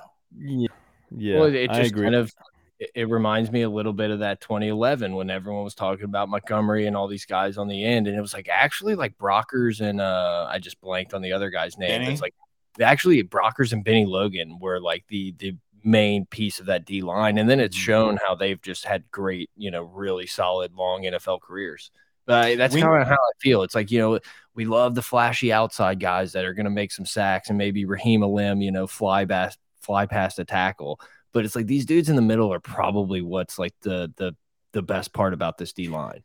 And here's one thing: I like we're, the national media isn't talking about Roy and Smith. We are, but you said Jacoby and Guillory and Mekhi Wingo. They're gonna play a lot. Like Hell yeah, they're going to play a lot. Wingo Like- won like the, the offseason like award Roy, for like the like, strongest but, guy. but like Roy and, the Smith aren't going to play. Yeah, oh, yeah, that's what I'm saying. Roy and Smith aren't going to be able to play every snap. Those two guys are going to have to like. Never wish for injuries, but like we're kind of slim if you think about it up there in the in like we have some really good players, and then there's not like who who's next after those four. Savion You know? Jones. That's for a whole nother podcast, but we're Yeah. we're Yeah. okay. We're okay. I think Xavier Carter, is Wiggins, one of maybe. edge I mean, it's all guys. freshmen. It's all Wiggins, guys. uh, Jones, like Brett mentioned. Yeah, like there's some guys, but no, it's thin. It's there's no doubt about it that, that it's thin. We're good. Like this is probably that's probably the best four D tackles.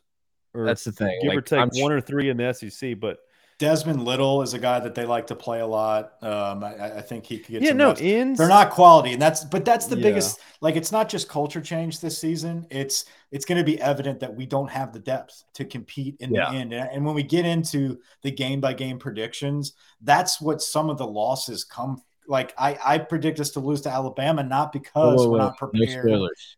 No, like uh, not because we're not prepared or we're not going to compete with them. It's just going to be when the game is on the line in the fourth quarter, they're going to have fresh bodies that are, you know, four deep and those five star guys. Where if our defensive ends are, are weak, I, I don't think that, uh, you know, Xavier Carter is going to go in there and wreak havoc against Bryce Young. I just like that's that's the problem we're going to encounter this season. Uh, let's go into those, like- linebacker. Yeah, it's one of those like how good is your good? LSU's good at the defensive line is as good or better than anyone in the country. The problem Yeah. is it's like how good is your average? It's like, uh, well that that's different. It's not That's great. different. It's not great. Uh, Mike Jones comes in as kind of the leader going into the season on defense and in that linebacker group. He gets Matt House to be his position coach. Matt House, the new defensive coordinator, is a linebackers coach. Uh, Mike Jones, obviously the guy that transferred from Clemson uh, prior to last season. Uh, he played a full year with us. I think he's number 19. A lot of people have talked about how like they could see Mike Jones being a number 18 type of cat. Um, Jones is a guy that looked like he improved when the rest of the team was declining. Mike Jones kind of improved his play a little bit more. Um, and so I'm anxious to see. He's kind of the guy that you think is probably going to start no matter what. Um, I think Baskerville is somebody that, for whatever reason, has been talked about being in the doghouse. I don't know how true that is, but you know he's he's up there being talked about for the Butkus Award. I don't buy that just yet. I think Greg Penn is the guy that comes out of here as the new stud. And if we want to get into how we talked about potentially talking about sleepers, I think Greg Penn is like your biggest sleeper on defense. I think for one, number 30 is a sick number for a linebacker. I love the way he looks. Like he just kind of fits the eye really well. But he was making very explosive plays in the spring game and kind of showed that I want this. I know that there's an open competition right now at this position. Damon Clark is gone. I'm filling this gap right now, and I'm going to turn the corner here. Everybody's kind of discounting me. They're thinking like I'm con- not a bust. I've only been here a couple seasons, but like it's time to shine, Greg Penn. You know, like if if people are thinking, do we have anybody other than Mike Jones in Baskerville? I think Greg Penn's that guy. Obviously, we can go into the all-world recruit Harold Perkins, um, and then you've got the transfer from, from South Carolina. I think his name is Kolbe Fields.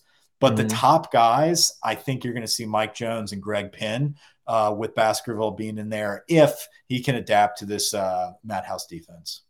Yeah, uh, Mike Jones is kind of an interesting story. You definitely have to give the kid a lot of credit. He transferred from Clemson, shows up at LSU in kind of a weird time. Yeah. and didn't get to play. You know, it was kind of like we would uh, every game we kind of sit around like, did, did Mike Jones? Did did anyone see Mike Jones tonight? Like what? And he just kept his head down, kept working, kept grinding, and he's turned into one of the leaders, if not the leader, on that defensive. Uh, it's but definitely in the linebackers. But it's just cool to see. It's like this dude could have easily just kind of waved the white flag, not giving a shit, you know, rolled around, and he's just done nothing but work his ass off and seemed to be a great teammate. So it's awesome to see. Harold Perkins is a guy that you're just going to see on the field. Like he's one of those talented guys. Yeah, you don't want to see him off the field. Yeah, no, you do not. That's that's that's a given. But he's a guy that just Uh, seems like it's Special gonna be it's gonna be one of those where you're just like, we can't not play this guy, guys. Like we have to figure out somewhere to put him, almost like how LSU and Dave Aranda did with old boy that went to back to Baylor. Um, our boy Marcel Brooks, where it was Mm. just like, I don't think he fits here. TCU, but You have to play him. Yeah, whatever. I don't care. Texas, Same. fuck him. Same. I guy. just was thinking green jersey. I'm like, I can't, I can't call. I know. I always that was a poo. Two totally different size human beings there. That's okay. But he just kind of, he, he gives me off a little bit of those vibes where it's like we might have to play this dude out of position just to get him on the field. No, 100%. Harold Perkins will see time. I think he's a guy that's going to be in a rotation somewhere. And again, like we I keep going back to it. Like this is not in stone. Like none of these guys have a spot. Like so the minute the minute Mike Jones looks like he's slacking, the minute Baskerville or Greg Penn look like they can't cut it, Harold Perkins is going to get a crack at it. Kolbe Fields is going to get a crack at it. West Weeks is going to get in there and get some playing time. So uh, a lot of transfers, but also Mike Jones with that leadership ability. I love how they they really have promoted Mike Jones as being that leader because they need that on this defense with the amount of transfers. They need somebody with an established uh, voice, and I think uh, Mike Jones is definitely that guy. Greg Penn busting out in the spring game. And like we said, Baskerville and Harold Perkins. That's probably who you're going to see mostly at linebacker. We did discuss the defensive back crew when we were going over like the question marks going into the season because there's a lot of question marks on who these guys even are. Um, in the spring game, you were able to see uh, Mekhi Garner. You were not able to see Jarrick Bernard Converse, who, according to the team, according to a lot of player interviews, he's like the best guy out of the group. So he's kind of like assumed to be that number one corner. Um, he's a guy that's from Shreveport. He went to Oklahoma State. He was an all Big 12 corner out there with a really good defense. I uh, don't know much about him other than that. And Mekhi Garner, same thing at UL. He's a ULL product. Um, a guy that transfers in re- decides not to follow Billy Napier to Florida, but decides to come to LSU upon a transfer.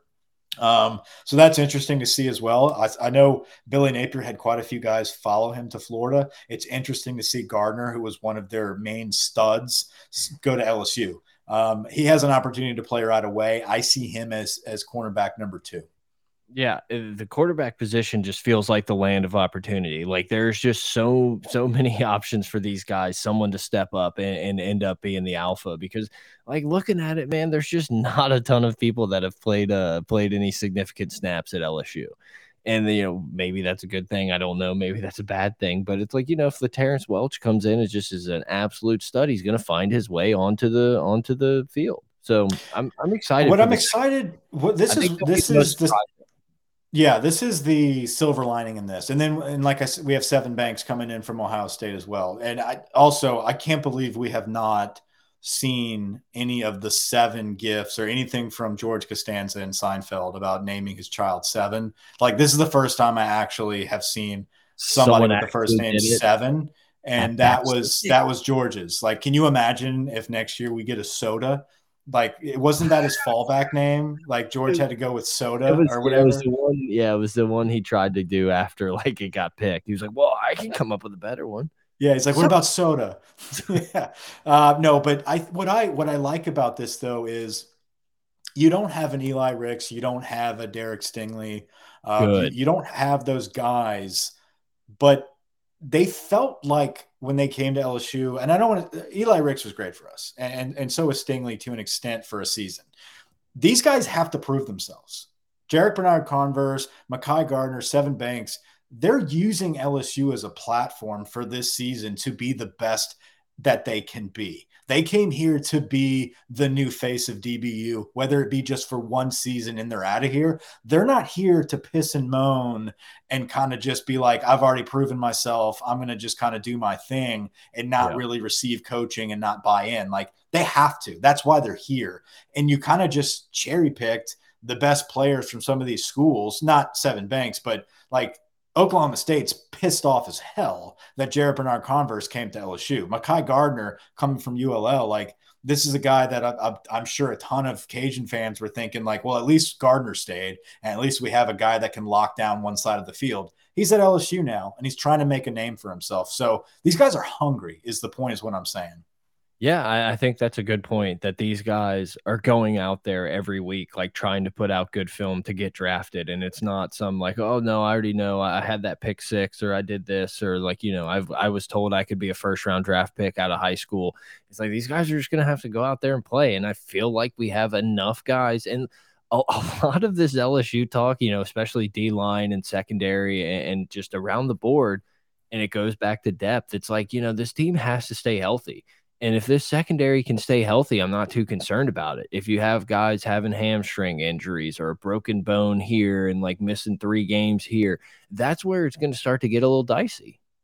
Absolutely. Um, you do have some swing players, though, at that nickelback position. And I specified the nickelback position not only because it's a good band, but because we do have some depth there. I think Greg Brooks coming coming over from Arkansas and Sage Ryan Sage Ryan is the cat that like we expected to see shine right out of the gates, and I think those expectations were a little a little misleading. Um, I think he's one of those cats that came out of, of a, a, smaller school that was just so dominant. He played every position.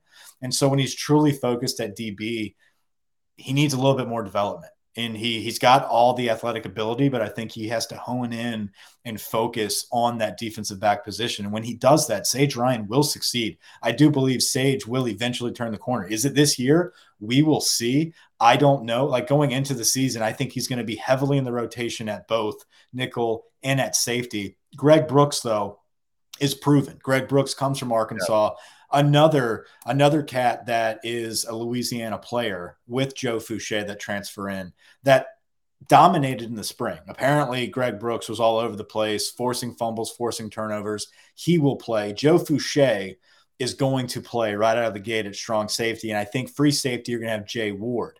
I know someone just mentioned um, Major Burns in there. Major Burns is definitely going to be that guy that I have in here.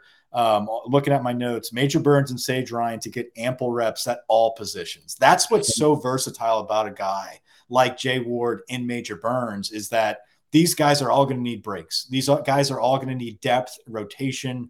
Um, Major Burns is one of those guys, and Jay Ward that can swing out to corner to give a breather. Uh, Major Burns can come in there at safety and and give Joe Foucha a break. Joe Foucha is a big bodied cat. Like he's not going to be on the field 24 7.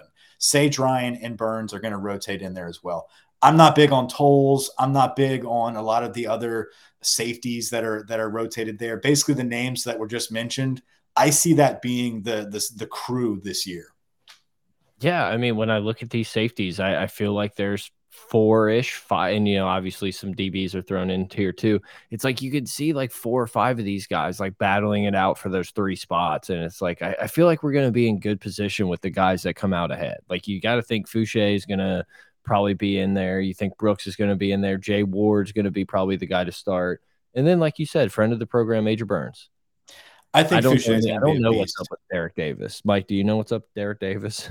I don't. I don't. And that's that's what I was saying. I think Derek Davis, uh, Tolles. There's a couple other names that are on the roster that we've had high hopes for, um, and they're Davis still young. Was like Davis was like really highly recruited. Did, did he Yeah. get hurt last year? I don't know. I, I don't know can't much about. Derek Davis. I always got him confused with Deion Smith. I, I don't know why. Derek He was. I'm pretty sure he was like highly four star, and then didn't. No, like, he's him and. Sage Ryan were like neck and neck, and they didn't. Do not be Anybody that comes confused. in- Well, Yeah, do Sage not be Ryan got. with Drake Davis.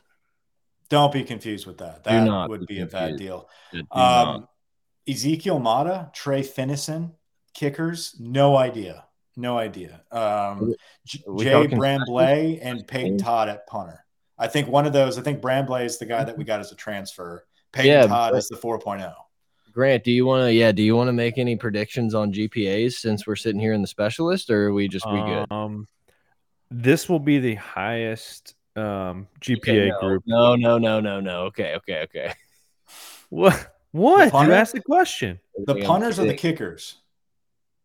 Uh, the punters. Actually, I- take that back. I could see deep, the Brad deep, the deep snappers will be first, then the punters, then the place kickers. All right. I've got nothing to talk about when it comes to the specialists. Yeah. Do you guys want to roll through the coaches schedule? Yeah. or do y'all want to go straight to the schedule and just skip the coaches? I feel like we've talked a lot of coaches. I mean, we can just kind of pull it up real quick and and do it. I mean, I feel like I've kind of said my piece on Denbrock. I'm I'm excited. I think he'll be fine, but it's like I'm not going to be like totally shocked if it doesn't super work out. You know, obviously we were super stoked when it happened and it feels like it's kind of a little bit worn off, but like Frank Wilson is an all-time get. Like any program in the country, Frank Wilson would be like on the list of- of Godfather. snag. Yeah. I, I so it's like you know, obviously we were super hyped and freaking out when it happened, but it just feels like it's kind of calmed down and it's like, oh yeah, fuck yeah, Frank's Frank, we got Frank. Forgot. Frank is on there. Look at the Godfather. I go to the next page, Grant. So we've got um, obviously Wait, you is got Brian, Kelly's Matt eye House. okay? Yeah, it's good. Is You it got? Brian Kelly, Matt House is House. the most PE teacher looking guy on the planet. he is a PE teacher. Brad Davis, the only guy that that really got a spot as a position coach from the old staff, truly showed his his colors when it came to leadership ability um, by by bringing those guys through the bowl game. Um, so I think that that they're pretty excited about that. Wow, fuck the specialist, huh? Yeah, I mean, like we, dude, we're at an hour and thirty-five. Like, how much? Like, how long do you want us to dive into Ezekiel Mata? Have you seen this kid's picture? Like, that's the only thing I know about Ezekiel Mata. He's got like a a, a mohawk blonde tip haircut. Hopefully, he can kick. Uh, Brad Davis, offensive line. Hopefully, hopefully we have people who can make some field goals and, and hit some punts. Like, what do you what do you want me to say? Yeah, I'm sure we'll we'll have a good kicking specialist. Uh, Joe. Sloan, quarterback coach. I love how we pulled in this guy um, after being at La Tech um, for nearly a decade. I think Joe Sloan adds that aspect of of focus to those quarterbacks where Mike Denbrock can really get a an outside view, a bird's eye view of this offense and not have to hone in on the development of the quarterback specifically the whole time. Joe Sloan is also a very, very good recruiter. And I think that yeah. really helps us with that North Louisiana fractured relationship that we're trying to redevelop. I think Sloan is a big get there with that. Polian, that's Rudy. I mean, like that that's that's Rudy from Notre Dame. That's what he looks like. He's the special teams coach. If we want to talk anything about special teams, Brian Polian is a very good special teams coach and a relentless recruiter. That's something Brian Kelly yeah. always talked about. It's gotta it's gotta be really kind of fun to be like head of recruiting. It's like, hey, I get to I get to just pretty much like create this team. Yeah, it's also gotta be scary as hell. Because oh, like yeah. the minute like a kid burns you, it's like, well, did you not see that coming, Brian? It's like, well, yeah. I mean, I don't know. Texas offered them a Lamborghini, um, and we gave them another Charger. So sorry. But it's like I have a little bit more confidence in a guy like Polian, who I, I understand, you know, he's boys with uh, Brian Kelly and all that, but it's like to to take a challenge like it is at LSU to come into a roster that's extremely depleted. You know, you're going to have to to hit the the portal and all that stuff and to kind of leave your little cushy, I wouldn't say cushy, but you know, nice gig to come to LSU and do that and like know you're going to be competing against Nick Saban's best recruiters and, and you know, Kirby Smart's best recruiters just down the board, A&M's bags of cash and their NIL fund. And it's like it's a guy that welcomes that challenge and like wants to take that. It's like that's what makes me excited because you know he's not like gonna half ass it. Well, and he's got a crew around him that are going to be. I mean, you got Frank Wilson, you got uh, Steeples, you got you know Cain, Hankton. Like, there's a lot of cats that have a lot of strong recruiting connections as well that can guide Polian and be like, "Hey, man, yeah. stay away from that school. Like, you're wasting your time. Go all out at St. Aug. You know, like th- this is where like they might be." Acting resistant right now, but th- these are the cats that we need to to dial in on. So I like how we have a lot of very experienced minds when it comes to recruiting our state, but that national perspective with Brian Polian, especially like that Midwest as well, um, it's probably a very good model where we can plug and play now with our other guys that have those true um, connections with the staffs and these high schools and these local coaches to really kind of catapult it to the next level. Kerry Cooks, I don't know much about Kerry Cooks. Uh, yeah. Um, he's a safeties coach. He was at Notre Dame. I, I I know enough about him like everybody else. I don't know what to truly expect. I think right. there's a reason that he was joined together though with Steeples and they have like a, a split of safeties and corner because mm-hmm. I think they like I don't think they wanted it all to be Kerry Cooks. You needed that young up and coming guy to replace Corey Raymond. I think that's Steeples at that defensive back, a kid that a kid, he's like our age, a, yeah. a guy that truly coaching, rose. Yeah, yeah in, co- in the coaching world, rose in the the coaching ranks um, pretty quickly. He took a a St. Louis, Missouri high school and turned them into a powerhouse very quickly, and then he was yanked straight to the pros. He went straight yeah. to the Minnesota Vikings. So uh, I think that's a big get. Yeah, I mean, it's a great story. You know, he pretty much said he talked to Brian Kelly and just talked football with him whenever it was like kind of recruiting and stuff and just kind of, you know, kept in touch and now has this opportunity. I love the the potential of this coaching staff. Like I said before, is there going to be guys here and there that didn't work out or maybe take other jobs or something else? Like, yeah, sure, that's going to happen in every program. But it's like every every one of these positions seems to be well thought out. Like Jamar Cain, like how imagine Ooh. firing that. Imagine firing that dude. Like, can you You're imagine? Screwed. You're screwed. Yeah, like he's got a job for life just because no one no one has the stones to fire him. Can you imagine trying to take his picture? Can you imagine the poor little lady that's just like, all right, I'm here to take the staff pictures. Do you want to smile? Never mind. No, okay, I'll just take it. Never mind. Yeah. I said three, two, one, cheese. Yeah. Like, and, I don't need that. Like Cortez, Cortez Hankton is a guy that, like, if he wanted to sell some fucking snake oil or something on YouTube, or you know, make some video about it, I'd probably buy it. Like, this dude is just what so convincing to me. What What are you talking about, Grant? What is snake oil? Snake like oil is something you would never want to buy, but like, Cortez Hankton could get you to do it. This will make your Johnson nine inches longer if you just take this pill for three days. Like okay. I probably I just wanted it. to clear it up for the people that were wondering and never heard of it.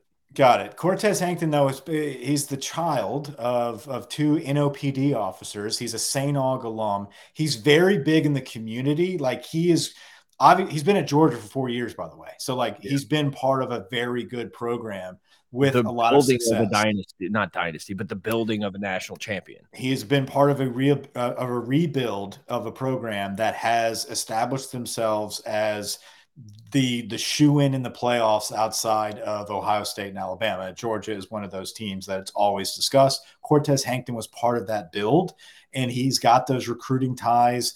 He's very he's a very big. I, I'm not going to say activist. He's one of those guys that puts together a lot of foundations. He's big on on like community development and relationships, that is enormous when it comes to recruiting New Orleans. So um, I think not only is he a talented receivers coach, as a recruiter, he's going to be lights out.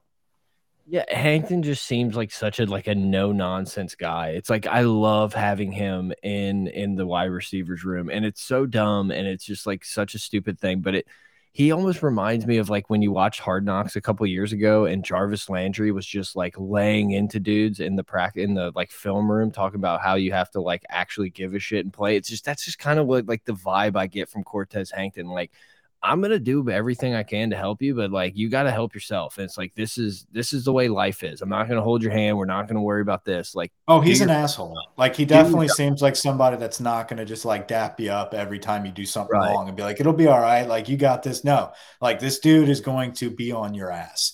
Yeah, um, I wouldn't trade Cain and Hankton for anyone from Chris Wilson. Yeah, dude, I, I am excited about him. I'm excited about all of them. And then and then Jake Flint, strength conditioning coach obviously he's he's gotten a lot of exposure this offseason. We've seen a lot of videos of him.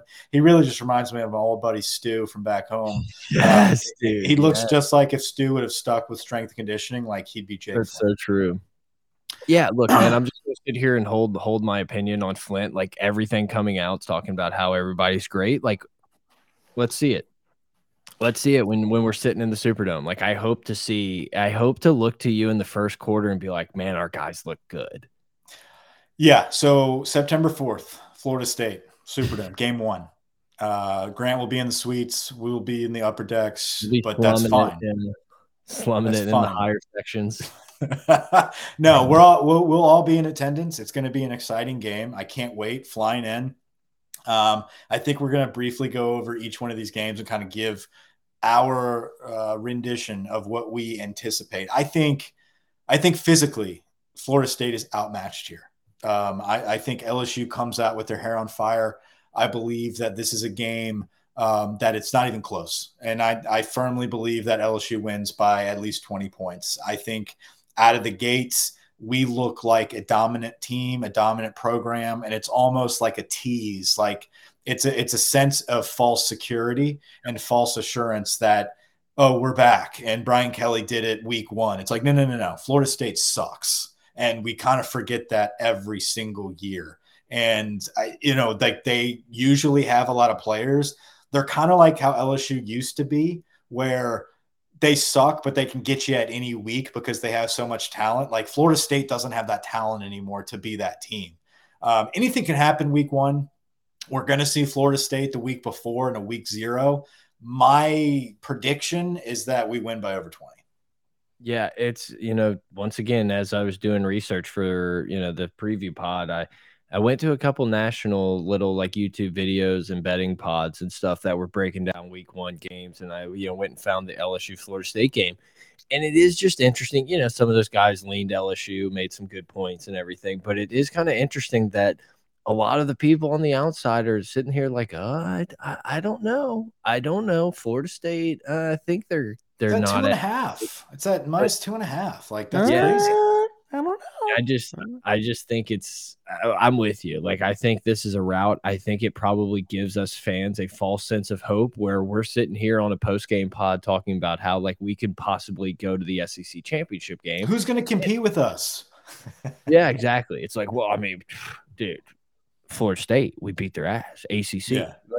I just, I, I think I just think it's very possible LSU gets into the meat of their schedule at you know four, five, six, and zero, oh, and I know we're going to go through it, and then it turns out to be a little fraudulent, and like this is one of those games that could be like, oh, Mike, we're back, Yeah, and I, and I don't and I don't want to harp on on fraudulent. I I think like the expectations of coming into the season and seeing yeah. us blow out the doors against Florida State and sit back being like this is a 10 11 win team you know like that that is where we need to dial it back a notch. Like we really need to go into the season with this is a culture change. We're implementing a foundation of organization period. Like record aside if if we succeed at that we will have a decent enough record to be happy about our year it doesn't have to be an SEC championship. It doesn't have to be a 10 win season. Like I anticipate this being eight and four, nine and three, and we'll get into it. Um, but that's okay if we actually accomplish what we're trying to do from a structure and organizational standpoint. Southern back at home, September 10th. That's a rent a win. Lots of reps. Uh, focus on fundamentals. We're going to be getting our guys reps, reps, reps. We're going to do some experiments leading into Mississippi State at home September 17th. Another another rep, uh, not a rent to win, but the first like this is comparable to Florida State confidence building win at home. Um, I think our guys are going to be oiled up, juiced up, ready to roll. I don't see us losing that game. Yeah, um, Southern Southern's a game. Walker Howard could could see some action. Yeah, absolutely. Yeah. I mean, and Mississippi. Go ahead. Yeah, I was just gonna say. I mean, you know, I, I, think anyone anyone sitting here would just count the Mississippi State game as a win. Is it one of those games that could get weird? And could Mike Leach have, you know, could we get absolutely dimed up by some quarterback that threw it 63 times that game? Yeah, it's definitely possible. But yeah, I mean, I think we're all just sitting here I'm, tracking off a win. I'm more nervous about that game than like Auburn and Tennessee because it's the first real test. Well, I don't State think it's a, see. I don't think it's the first real test. this is why I disagree. But but but, but, it's but for a home game, it's the first time that the whole staff and every all these new guys have to sit there in the environment of of. That's fine, and, but I also think that like Brian Kelly and his staff are going to be prepared for Mike Leach, where like we were not prepared. Any of our other staffs against like we always looked it past would, Mississippi State. Be, we are not looking past Mississippi State with Brian Kelly. I would love to beat them like 38. I don't think 10. we're going to blow them out. I think it will be one of those like we're going to have to adjust to what they're doing. Matt House might need to like figure some shit out on the fly, but it's going to be one of those second halves where you're like, okay, whew, we can take a deep breath. Like this isn't the LSU of old. We're going to we're going to milk this clock out and then pull away cuz we're not just going to milk the clock and not convert. Like we're going to convert, we're going to put up points and we're going to do it in a very structured way that like we're supposed to beat Mississippi State. And we're going to beat Mississippi State. That I don't I don't anticipate that being a loss. New Mexico, September 24th, another rent a win. Uh, a lot of some young guys might get some reps. This is the tune-up game for the big Auburn matchup, and I put in the notes here. This is going to be that week where we're four zero oh going into Auburn, and we're looking around and being like, guys, remember we haven't played anybody. We're probably ranked. We might be ranked. 100. percent yeah, we'll be ranked. Four zero, they're going to be ranked. Yeah, we'll be ranked. will we will we be, be ranked before that game? Yeah. yeah. yeah, we're gonna blow we're gonna blow the doors off of Florida State, and people are gonna jump all over it and be like, "Oh, maybe this is Brian Kelly. Like, maybe this is gonna be so, a really good deal." So not what, not high. I mean, all right, let's put 20. this down. So, what? Yeah, what will our ranking be going into Auburn? Twelve. Well, I think we're gonna be higher than that. I think like 16. Okay. All right. Yeah, I mean, look, man, like the, the entire that. the entire world's down on Auburn. Auburn is always kind of a scary game to me. They've it feels like one day one day I would like to go to a game there. It feels like it would be a fun fun place to watch a big SEC matchup, but once again, you got to kind of lead lean LSU here. The entire world. I mean, Auburn was picked literally dead last in the West, and I know that doesn't mean anything when the media members pick who's going to win games, but you just have to think LSU is probably the better team in this matchup. I do think LSU is the better team. I, I am not afraid at all. Like it's at Auburn, so that's obviously like the the big edge the to them. Thing. That's the edge to them. But like they have Finley and Calzada um, yeah. That neither of those kids scare me. Um, it is a desperate year for Harsin. I think that they're, you know, they have the same if, if there's any fan base that's irrational about their their head coach and turnover more um, than some people want to claim we are it's auburn like this Harsin has to do something big this year and i don't think beating lsu is like going to save his job by any means but you're going to see a lot of weird shit i think right out the gates against auburn I believe we're the better team. I think we pull away with the victory and we're 5 and 0 uh, going back home against Tennessee October 8th crisp fall weather rolls in. Big Orange Mac is going to be in attendance. Tennessee coming into to Baton Rouge for the first time in, in a number of years. Um, excellent home game environment. I, I, think this is one, if you can make a game, circle that on your calendar. I think that's the one that you want to go to because it's it's not like the Mississippi State where, yeah, it's it's at home. It's the first home game against the SEC opponent for Brian Kelly, blah, blah, blah. Tennessee is just that it's an East opponent. You don't get them often. Um, they're on the rise, quote unquote. Uh, I think Heupel has them has them performing better than expected. Um, so it could be a matchup where this is the game where you pull away with a good victory at home against Tennessee. Uh, you're going to be ranked in the top 10. I, I think yeah. that's when it happens there. Um, Tennessee is coming, will be coming off a big fight against Florida going into this game. And a bye week in a bye week. So like it's going to be a challenge. It's going to be one of those games that we're going to be uh, battle tested. They're going to be battle tested, and it's going to be a, uh, the ultimate test at home against Tennessee. I, I think we pull away here. Um, I, I, do have us a winner against Tennessee. Yeah, I think Tennessee is probably you know your first real test where you're more worried than not going into the game, uh, getting a dub, but I like LSU's chances against Tennessee. Uh, I mean, I once again, it's I think such a probably, confidence builder. Yeah, I mean, you win this game, then you're going to Gainesville. You got to look, and obviously that may depend on how that Florida State Tennessee or the Florida Tennessee game goes, but you could you could talk yourself into LSU still staying clean here. You're right at about the halfway season, and you could be, you know, sitting at six and zero, oh, going on the road at Florida, and this and you know, listen, guys, this is where people might get pissed at me. This is my first toss-up game, and it's not because I think Florida's more talented than us. It's not because Billy Napier's a better coach. It's just it's it's the circumstantial situation, right? It's at Florida. Uh, Florida had been battle tested against Utah, Kentucky, and Tennessee. So they know who they are at this point. This is their big home game against LSU, and Billy Napier has it out for nobody more than this this LSU administration for not giving him the job that he truly wanted. I really think that that will add to some of the game plan when it comes to the preparation. He's got this one circled. That's this is my first toss up game out of the season. Um, if you're going to mark a loss anywhere, I would potentially go with at Florida on October yeah. 15th.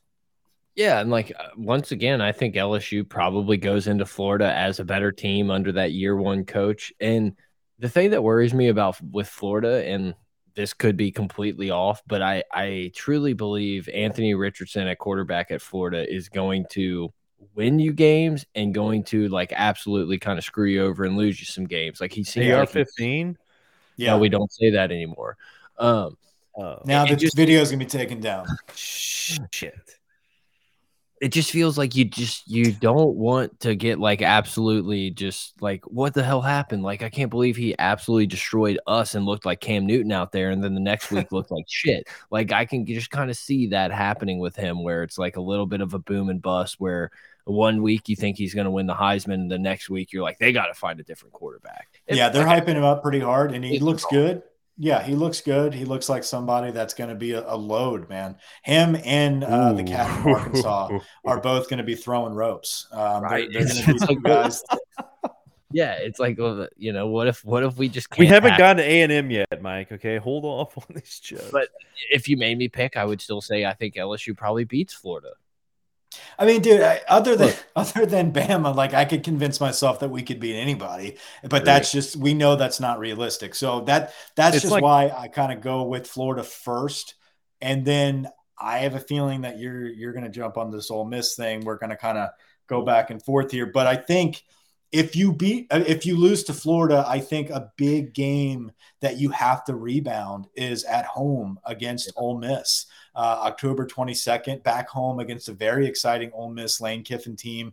This I don't like after watching the spring game, after looking at their roster turnover, I'm not as high on Ole Miss this season as I was last year. And I think Brian Kelly's job of coming off of an emotional game, whether win or loss at Florida, he's going to have them prepared for Ole Miss back at home against a team that, yeah, they have an exciting offense, but that that Ole Miss defense is just so vulnerable, and they they lost a lot of players on top of that that I think we're going to have too good of a game plan to let Ole Miss get one on us. And that's one of our notches in our belt that, like, we're back, we're okay. We may have stumbled, but we're not going to let this derail the whole season. We're going to win it. We're going to win against Ole Miss. I have that as a dub. Yeah, eh, I mean, looking at this, I just it feels like we probably lose one in that three week stretch of Tennessee, Florida, Ole Miss. Like I could see LSU going two and one in that stretch, having one loss going into Bama. Yeah. I could I could well, easily be convinced it, that that loss is Florida. I could easily be convinced that that loss is Ole Miss.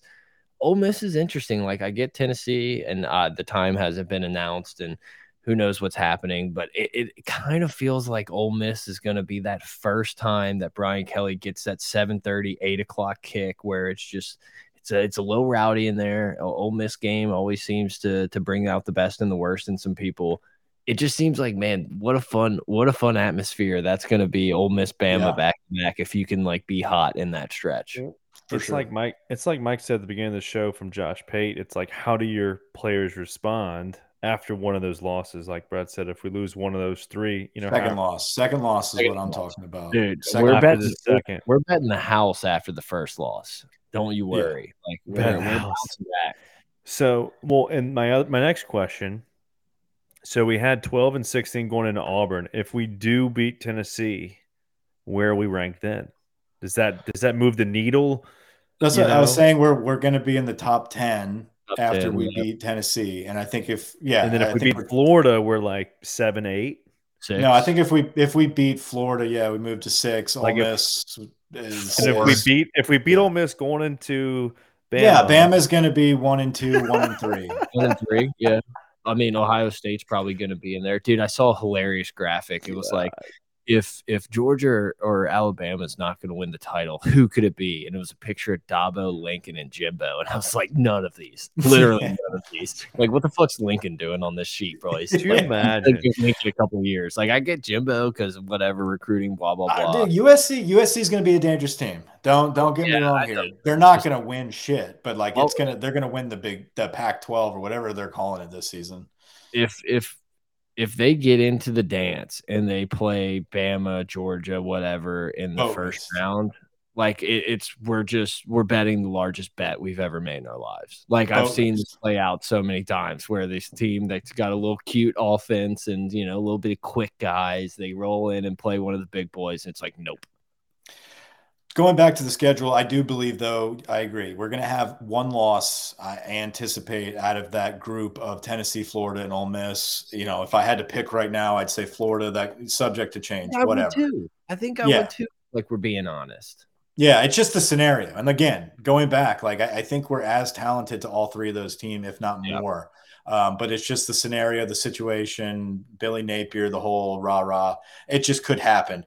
Bama, November 5th, market a loss. I don't think that we can get past Alabama. I just here this is the deal with that. I, I think it's the depth issue. I think we are we are definitely a team that's going to be prepared against Alabama. It's at home. I think it's going to be a huge stage, regardless if we have one loss or two losses. It's going to be all eyes on Brian Kelly versus Nick Saban. Um, it's going to be a very hyped up um, Saturday night in Death Valley, and I do believe that uh, we're going to keep it close. I mean, look at last season, one of the worst teams we've ever had, and they kept it what four points with Bama that went on to lose in the national championship. But like, it's always a game. It's just at the end, whenever the bodies are wear, worn out, the depth becomes an issue. And I just don't see like if you have to give me another loss here, this is going to be where it happens because of the depth.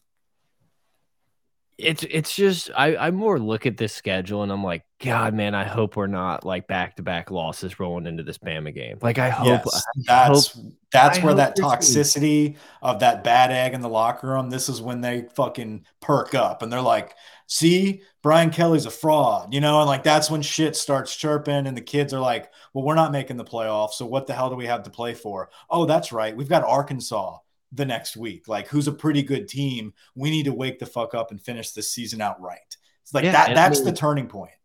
on top of that, it's just it's just extremely fun to like feel not confident, but like have good vibes going into the Bama game. Like it's just always such a fun game. You can tell every player it, it means more. I understand the Iron Bowl may have a little something, but it always feels like when LSU and Bama play, it it does feel different. And I hope we can still have those vibes. I hope it's not a oh well, let's hope Bryce Young doesn't have a Heisman moment on our face here. This is where Brian Kelly makes his money, though, is after this Bama game. Uh, so, like, to are, are you with me though that this is probably a loss? Oh yeah, I mean I've been chalking Bama losses for for Yeah. as far as we've been doing this podcast, but uh, you know, I, I once again I think it will be close. Like I think the guys will Mhm. fight hard, and I think you know, I, do we have the depth at, to compete with Bama? Absolutely not. If we go into that game super healthy and it's like good on good, and we have a, a pretty good group, it's like I don't dislike our chances. I wouldn't say it's like a, a probable thing, but it's like once, like you said, man, we almost won with with like nothing Yeah. last year. This is the point in the season, though. So you're you're, you're sitting at around seven wins. You have a couple losses. This is where Grant- Brian Kelly has to make his catching money. that ticket. Yeah, well, like this, this is where he makes his money, right? So, can we keep these guys playing with their hair on fire, or are they going to fold? That's we're so used to LSU after that Bama game being like, we'll see who shows up the rest of the Yeah. season. We don't Oh, really know who it's going to be. Right. Like, who knows? If this team, like, this is what we mean by the culture change. Like, this is part of one of those notches in a culture change is you play every single game like it is the championship. Yeah. Can you get these guys to travel to Arkansas and play like you still have something to play for? Because you probably do at this point. Like, even with two losses, you probably still have something to play for because I do think a lot of these teams are going to be beating up on each other. So, Yeah. can you keep performing at a high level that can carry you into that A&M game at the end of the season, which could be something you're playing for? Um, I I am leaning that we do. I like that's it's a toss up game for me, but I'm leaning more that we beat Arkansas, and it all depends on can this lock does this locker room believe in what Brian Kelly is preaching, and and are we going to play lights out football? If we play our football, if we play our brand of football that we played the week before against Alabama, we will wipe the floor with Arkansas. Yeah. if not, they will beat us.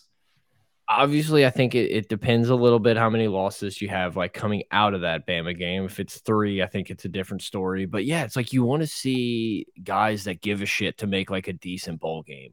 Because normally what happens is, is after Alabama game, national title hopes are shot. Like normally going into the Bama game, you can make a like a well if we beat Bama and run the Yeah. table, like we have a good chance. Like we're in position. We control our own destiny here in the West.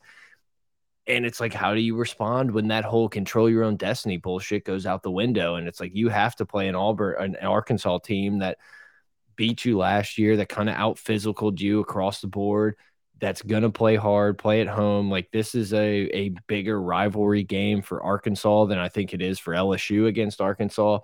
And it, it's very much like how are how are we going to respond, especially if it's like a 11 a.m. kick in Fayetteville, and it's like, well, fuck, man, like the weather's normally like cold and like not as ideal. Are you going to bounce back? Are you going to show up? Can you run the table? Can you ruin A and M's hopes at the end of the year of sneaking into the SEC championship game? Do you want to make an actual big bowl game, or do you want to play Kansas State and get your ass kicked again? Hundred percent, yeah, and, and that that's that's the turning point. Is are we going to see something different, or is this the same old BS we've always been watching? Um, is it going to have? I think it's gonna be different. I think it's gonna be different year one, and that's that's the game where it's gonna be different. Is is we're gonna travel to Arkansas and we're gonna continue to perform like we have something to play for. Um, and I think we come out. It's a, I have it down as a toss up, but for right now, I think that would be the win. Florida would be the loss, um, and then Bama with a loss. So that's that's kind of where we get to UAB. Another run win. This is a break uh, this is where we're going to see Walker Howard. This is where you're going to see all the young guys. Let the starters chill out because you have one more hurrah to finish this season. Yeah, to, to, to finish at Kyle Field, uh, Texas A&M, November 26th at Kyle Field. The biggest, the, the the last question mark of this year. What does A&M look like at this point in the season? Because mm. I think that will tell us – a lot about whether we have a chance in this game or not because unfortunately a&m has stockpiled a lot of talent and it's not just it's nothing we've really ever seen before. It is the deepest uh, recruiting class in the history of recruiting rankings. Like it, it's it's ridiculous. I don't personally i don't see jimbo fisher being able to handle that type of locker room all the way to the end of the season well, and, and they're going to play Bama early, and they're probably going to catch a loss. And it's like once again, it's like I get maybe the first loss, everyone can can turn their cheek, but it's like there's a possibility you're playing an A and M team that has everything to play for, and you're there's a possibility you have an A and M team that has literally nothing to play for. Right, and, and if they have, we just talked about, if they have something to play for, if if Texas A and M, if that crew, that locker room of all five star players, which oddly enough is going to be led by like Max Johnson, possibly. Um, no way. If, no if way. That, There's no, just no gonna, fucking way that lasts. No, it's going to be uh, fuck. I forgot his name. The kid, the kid from Texas that was looking at us for a while. But anyway, um, if if they have something to play for, um, they will most likely beat us at home at Texas A&M. Like it's it's going to be one of those situations where you have to kind of just swallow your pride and realize A&M has stockpiled the talent. One of these years, they're going to get us where they just out talent us. This could be that season if, like we said, they are playing for a playoff berth. They're going to use LSU as a whipping post, and they're going to yeah. push us on. But if this is same old, if this is same old A and M, where they have a couple losses, those kids are done those kids are done. Like they're not worried about playing LSU. If they're out of the playoff picture, they have their Lambos, they have their NIL deal, they got their season under their belt. LSU is going to have Brian Kelly coming in, coaching these guys up to finish the season. You could see LSU beating them at Kyle Field. Like we uh, said, it could go either way. Uh, yeah, I, I, agree. It's one of those things. Like if A and M has something to play for, probably. Oh, look, we got some bots popping in the chat. There we go. You know you've made it when you got some uh, porn bots in the chat. Nice. So that, I would just mark that as like Bama and A and M right now. I would put if you had to put two L's. Yeah. I'd put Bama and A and M as our two L's. My toss up is going to be Florida or Arkansas. If I had to pick one of them, I'm going to say Florida's the loss, Arkansas is the win. I that kind of gets you to nine and three. Yeah, I can I can see something like that playing out. It is good to see that the uh, Alabama game is on October 8th, so I, am assuming that means the uh, LSU Tennessee game will be a late game. That'd be sweet. Dude, you know you're big time when the porn bots are in the chat. I'm telling you. I feel I'm so proud right now. I'm so glad we're we're still streaming two hours and ten minutes in. No, it's a great show, dude. We went through a lot of meat, a lot of meat and potatoes. Is that it? Did we? actually get there. Oh, when I we're talking we're about A and M, we can talk about meat.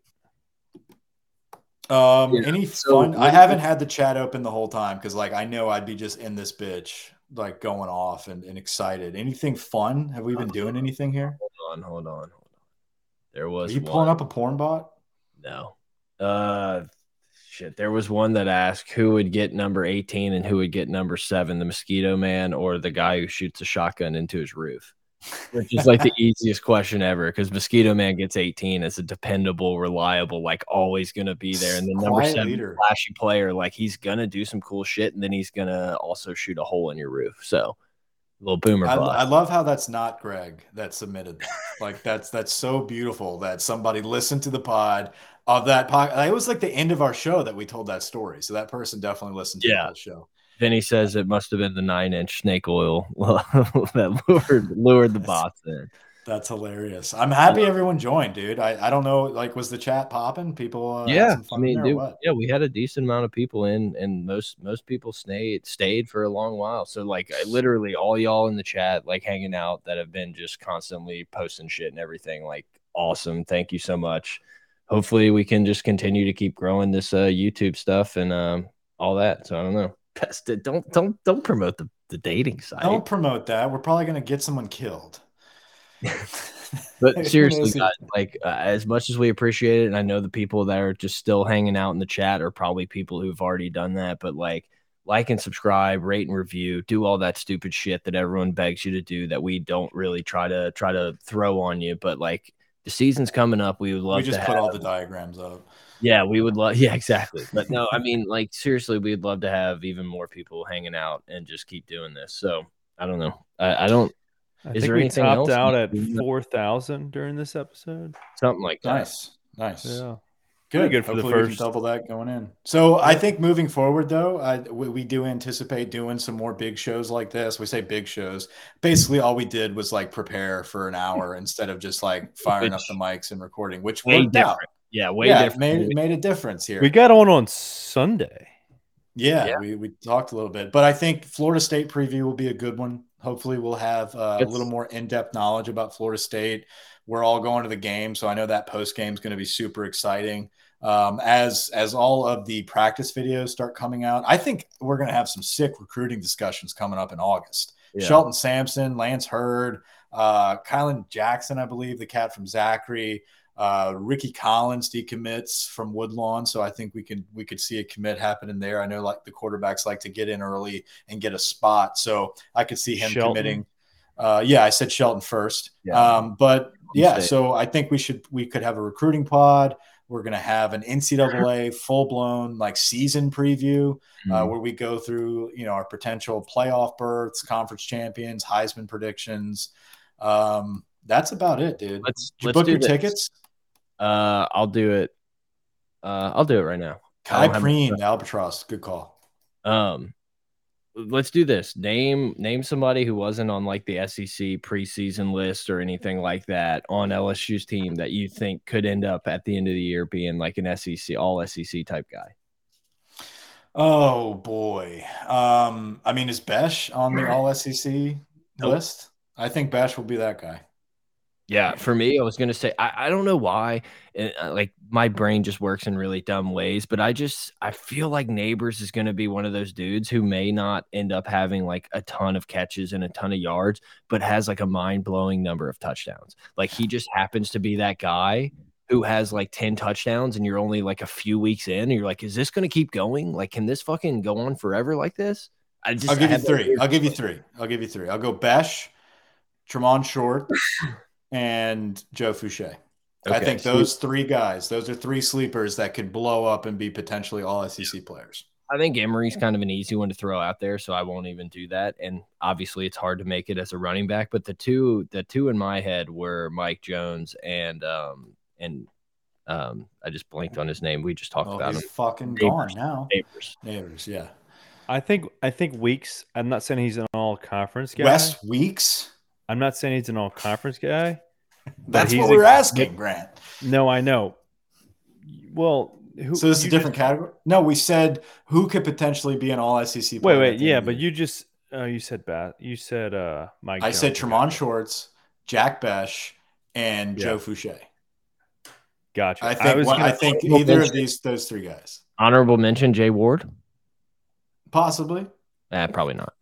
Maybe not. I was just gonna throw out some of the most underrated guys that are just gonna contribute in the team. Okay. Well, then, Wes Weeks, you- nice. hey, I think- whatever segment you want to do, Grant, No. this is your time. I think I think Wes Weeks has a great shot uh, to pass up one of those other three guys. Hmm. That's my that is my that is my prediction um, for the year. That is my one position group overtaking pred- prediction. Yeah, and I think uh, um, I saw um, Stevens pop in here, um, our boy, talk about how um, if the defensive back room has some injuries, that that could be like the turning point and the breakdown of this season. Um, that's where he says Lamar Stevens says injuries in the secondary is the only place that would break our backs late in the season. I think that defensive end, like Yeah. if our edge rushers go down and our DBs, you know, if any of the one of them get hurt, like you could have some vulnerability there that teams will take massive advantage of, and you could easily see that be the turning point in a win or a loss, and you you, know, you could slide to eight and four Yeah. or uh, seven and five, you know. So I don't think I don't think that. I mean, as far as like the record goes, I think eight and four. I'm still like, I get it. Like this, I'm okay with that. We have a lot to build on for next season, and it's how we do it. I think seven wins is where it's kind of like, damn, like how did we lose five games? I- I'm in the camp of like we're probably going to lose one game that we're pissed about that we shouldn't, and then we're going to lose to Bama, and then probably one of those, like I said, in that stretch where you lose to Florida, and you're like, God, that sucks, but I can feel it. Nine and three. Yeah, Could this team win ten? Sure. Uh, yeah, it's one of those things like you know we've talked about it i, I just if this team is very lucky in that like uh, injury health and like you know staying clean in the right positions. Like this team has the ability to beat every team including alabama every team on their schedule. Will they? Probably not. But like they win healthy good on good best 11 on 11 or 22 i know we don't talk about special teams so 22 on 22 lsu can compete with everybody out that, that they're going to play.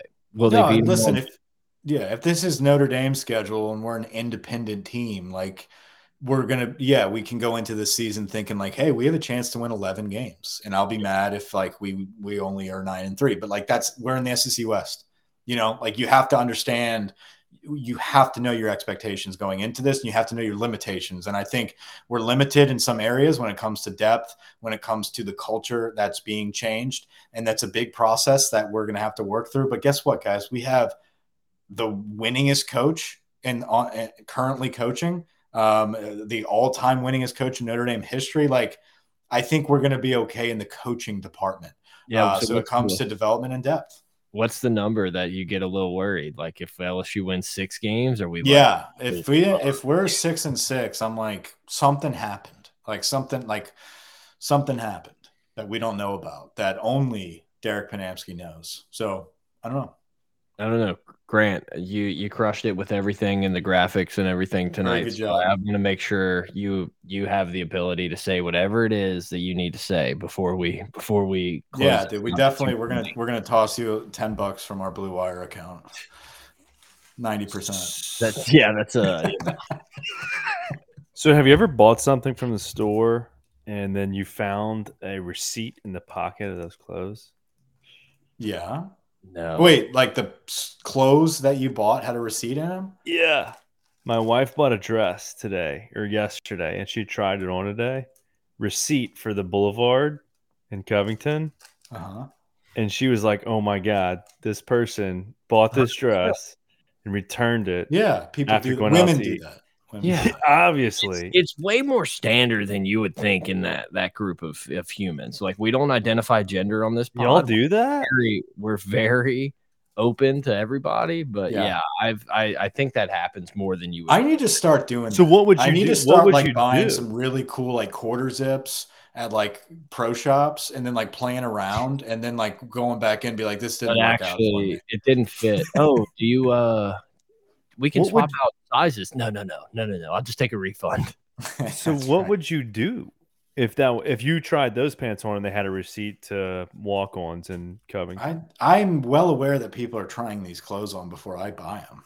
Uh, yeah, I mean, dude, like if is there stain on it? If if if Uh, not, I'm not buying boxers with receipts in them. I, I literally don't go anywhere. I don't buy clothes. like I, I I don't put myself in any of these predicaments, so I don't know. Good show, guys. No, Uh, that's I all had I fun. had. I had a blast. I feel like there's probably so many things we could like continue to talk about, but that's okay. We'll save that for another time. Yeah, we have plenty more pods to go. Thanks for joining the chat, guys. Thanks Yeah. for listening. Huge Uh, shout out share it, share it with your peeps, all that good shit. Grant for president. All right, guys, let's not give Grant that much love in the chat. All right, boys, let's let's let's calm it down. Over and out, boys. Are you sure you want to